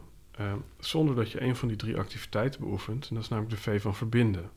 Zoals een kind zich tegen zijn moeder aanklampt op het moment dat er gevaar komt. Dus ik vond dat Hmm. heel, heel mooi. En daar wil jij iets over, over delen. Ja, want, want eh, wat hij nu doet eh, met die V van verbinden is eh, vechten, vluchten en bevriezen. Dat, dat is een, een, een oerreactie op angst en het verbinden hoort bij liefde. Ja, prachtig, ja. En de liefde hield. De, als je, je kunt niet in beide tegelijk zijn. Dus als je de poort naar liefde vindt, kun je niet meer in angst zijn. Mhm. Dus die, die, hij, hij mixt nu twee lagen en twee emotiegroepen. Mhm. ja. En, en het, eh, ja, waarom ik dit benoem, is omdat het ook betrekking had tot die, een van die drie V's eh, ja, aan de kant van angst. Die dus uiteindelijk ja, een complex trauma kunnen vormen. Dus allerlei kleine schrikreacties of kwetsingen die, ja, die misschien op een gegeven moment gaan stapelen. Stapelen. Ehm, en, en toen zag ik net even die kat. En nou ja, dan hebben we natuurlijk het voorbeeld van een rendier. eh, ik noem het even een rendier in Zweden. Die vol in de koplampen van een auto kijkt. En die kijkt even de dood in de ogen. Of in de koplampen, zo je wil. En die gaat dan bibberen. Hmm. En die schudt als het ware in, ja, in het nu. Als het ware de emotie of het trauma van zich af. En dan kan Ja. weer door. Ja. Hè, en als, als wij als mens dan hybride zijn, eh, dan hebben we volgens mij juist een soort van extra competentie of een extra zintuig. Extra valkuil. Ja, want, want wat maakt dan dat wij. Hè, want blijkbaar zijn de emoties zo heftig dat we ze op dat moment niet kunnen, kunnen verwerken. Ja. En hebben we dus een, een veiligheidsmechanisme wat het opslaat. Terwijl, zo blijkt later, dat, Het slaat het niet op. wat, wat gebeurt er daar dan? We maken conclusie. Mensen kunnen redeneren. Dieren niet. Ja, hoe, eh, eh, wij concluderen dan en we gaan achteraf. eh, Het brein van ons kan in toekomst en verleden beredeneren. In ieder geval in de conceptuele toekomst en het verleden. Mhm. Dus dat brein maakt een conclusie op dat moment. Hmm, is gevaarlijk. En stel je voor dat het nog een keer gebeurt. Ja. ja. En daar gaat, de, gaat het de loop in. En wat wij daarin vergeten te doen, is wat een dier doet. Dus we gaan gelijk rationeel gaan we het hier vastzetten. En dit is onze toevluchtsoord. En die ratio is een grote valkuil ook. En eh, we vergeten het hier en nu aan te gaan. Namelijk echt dat traumamoment leven en ook de momenten daarna echt aangaan. En dat doet een dier wel. Dus wat er gebeurt, ook fysiologisch, is op het moment dat het gevaar voorbij is, dan gaat het lichaam, dat heeft, heeft eerst op noodstand gestaan en dan gaat het releasen. En dat releasen, dat staan wij niet toe als mensen. Dus dat schudden, daar is natuurlijk het huilen voor. Mhm. Dat staan wij niet toe. In plaats daarvan houden we het vast. Want stel je voor dat ik mezelf verlies. Ja. Mezelf, het identificeert mechanisme. Want als ik nu ga huilen, dan stop ik nooit meer. Angst. In plaats daarvan gaan we in die loop. Stel je voor, wat als dan? En dan blijven we onszelf ja, overeind houden. Uit angst om het gevoel aan Ja. te gaan. Ik zou je bijna willen vragen, wat win je als je jezelf verliest? ja, maar mensen zijn bang voor het niet weten. Mhm. Want als je, als je eh, wat overblijft, blijft het gewaarzijn. Het gewaarzijn kan kijken. Je kan al, ik zeg wel eens tegen mensen: je hoeft maar echt één seconde dapper genoeg te zijn om jezelf over te geven aan dit moment volledig zoals het is. Maar je kunt op het moment dat jij aanwezig blijft, dan kun jij altijd op die rode knop drukken en zeggen: ik ga weer terug naar controle. Dat kan altijd. Eén moment. En op het moment dat jij dus in een release zit van een trauma, is dat zo overweldigend dat het jou overneemt. En het vraagt overgave en het willen mensen niet. Overgave is controle loslaten. Ja. En een dier leeft veel meer in overgave. Zou, zou je dat, ja, dat is weer heel duaal, maar zou je dat duiden als een ontwerpfout? Nee, ik zou het duiden als een misvatting. Ja. Mensen die dus niet weten hoe hun gereedschap werkt en ermee om te moeten gaan. Mensen moeten weten hoe hun gereedschap werkt. Mentaal gereedschap, fysiek gereedschap, emotioneel gereedschap. Mhm. En die begrijpen ze niet. Nee. De meesten niet. He- heeft een autist ja, minder te maken met misvattingen? Nee, meer. Ja? Nou, nee, anders. Ik denk. ehm, ehm, die raken makkelijker vast in misvattingen. Maar een paar hele grote gr- grieven in, zeg maar. En het neurotype is denk ik meer. Maar goed, dan ga ik de mensen in twee delen. Dat klopt ook niet, hè? Ehm, ieder mens is gevoelig voor misvattingen. Het, het vast erin blijven zitten is met autisme erger. Maar bij de neurotypen die zijn meer afhankelijk van de misvattingen, omdat daar de, de plek in de kudde van afhangt. En voor een autist is het minder belangrijk om de plek in de kudde te waarborgen. Ja. Maar ja, maar ja. goed. Ik wil eigenlijk niet de mensen in tweeën delen. Nee.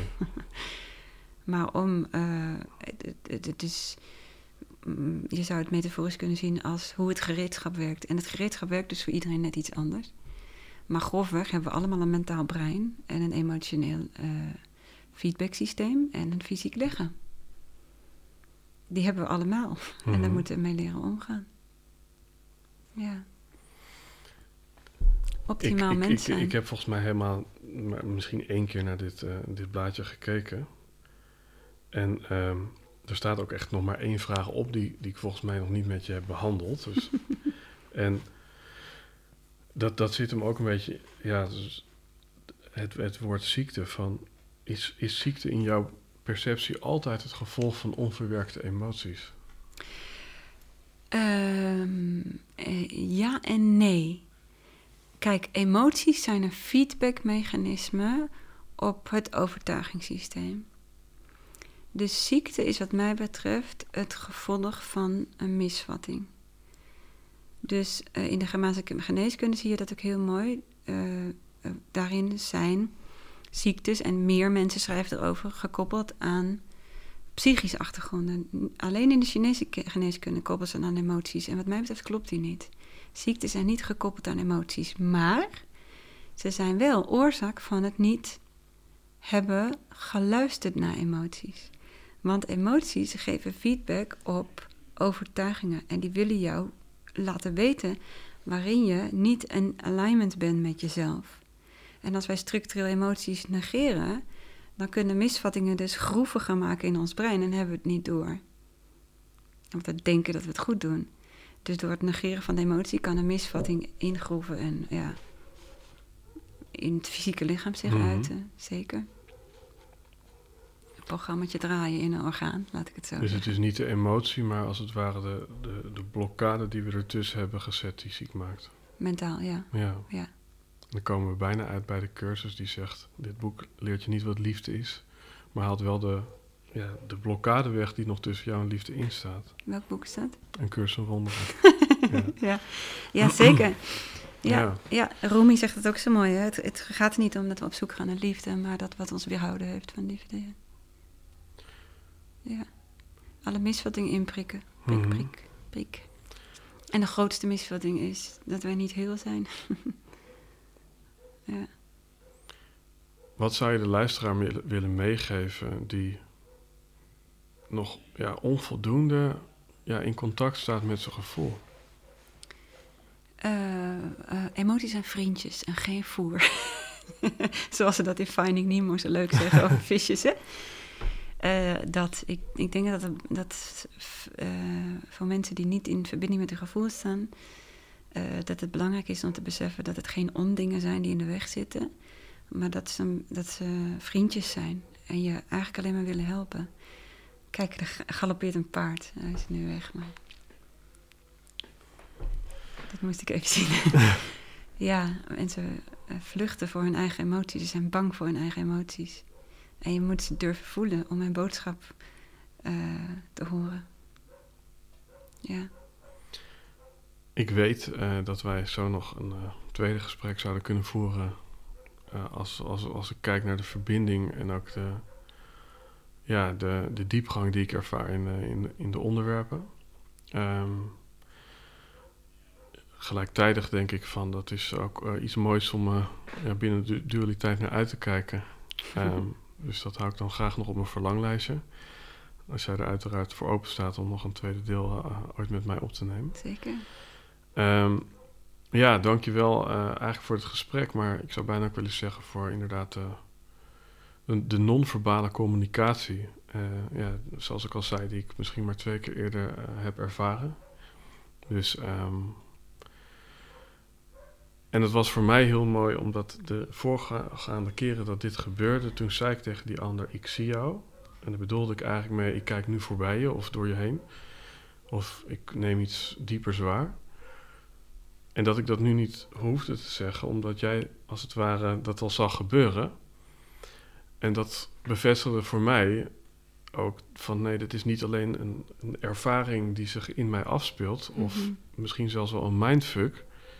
Maar het feit dat jij het eigenlijk op dat moment hetzelfde waarnam, denk ik van ja, dan kunnen we er ook bijna niet omheen dat er gewoon echt dingen plaatsvinden op andere metaniveaus dan ja, wat, wat, wat, wat Ja, maar normaal. wel gestuurd door wat je zegt. Is, het is niet mijn persoonlijke ervaring, maar het is ook een persoonlijke ervaring. Want de energie volgt jouw persoonlijke ervaring. Het is echt allemaal één grote projectie hier. Er is alleen maar jij. En ik zie wat er in jou gebeurt. En jij zakt mee naar een andere laag. Ja, Dus het is beide. Dus het is en een, een persoonlijke ervaring. En daarmee verandert de hele wereld. ja, Dus iedereen's wereld kan volledig veranderen. Als interne perceptie verandert. Ja. Ook daar moet ik denken aan een misschien mooi afsluitend citaat. En dat is volgens mij... eh, we zien de wereld niet zoals die is, maar zoals we zijn. Ja. Ja. Nogmaals, dank je wel. Eh, als je de luisteraar nu eh, naar één ja, plek op het internet wellicht wilt verwijzen, waar die misschien meer over jou of wat er via jou tot uiting komt eh, te weten wil komen, Ja. waar zou je die persoon dan eh, nu naartoe eh, willen verwijzen? ja, het zijn eigenlijk twee websites. Mhm. We hebben de Vera Helleman website, www.verahelleman.nl. En, en het Emotie Expertise Center, www.emoties.nl. Waarin ik eigenlijk met, bij Vera Helleman vooral de non-dualiteit doorga. En bij emoties eigenlijk een tool geef, een handvat uit de du- duale wereld. Eh, eh, verbonden met de non-dualiteit, om hier te kunnen omgaan met jezelf en je gereedschappen. Ja. Dankjewel. Ehm ik kijk even in de camera voor de luisteraar. Als je wil meepraten over deze aflevering, dan ja, hashtag Helden en Hordes op alle mogelijke social media kanalen. Verder eh, ja, worden er korte filmpjes gedeeld. Ik noem ook even jouw Instagram pagina waar een goede vriend van ons Geleed, eh, ja, op actief is. Ehm, to be continued zou ik willen zeggen. Ehm, ik eh, ga ja, ook een deep dive maken in jouw boek. Want toen ik hem het hardst nodig had, toen, eh, toen moest ik ja, kijken naar een uitverkocht pagina. En, en toen moest ik het dus ook zelf doen, wat wellicht ook een functie had. Ja, dus dank je wel. En voor de luisteraar, tot de volgende aflevering. Jij ook dankjewel, want ik vond het heel mooi hoe jij je, je vragen verdiepend stelde. Juist omdat je zo vanuit je, vanuit je intuïtie echt daarin dook, zeg maar. Daarmee haal je ook mooie dingen bij mensen naar boven. Ja, Ja, Nou ja, ik, ik, ik, in zekere zin vond ik het spannend eh, om juist met jou dit gesprek te voeren. Terwijl het paradoxale is dat ik juist bij mensen met jou, jouw trilling, noem ik het maar even, volgens mij ook weer ja, het meest authentiek eh, eh, tot mijn recht kom. Dus dat, Mm. ja, Mm. dus eh, het is voor mij ook weer een soort lesson learned van oké, die verbind je nou maar gewoon direct met de mensen waar je ja dat precies. gevoel bij hebt, in plaats van dat je allerlei omwegen maakt Ja, op de tijdlijn. Ja, ja. ja. fijn gesprek. dankjewel. Thank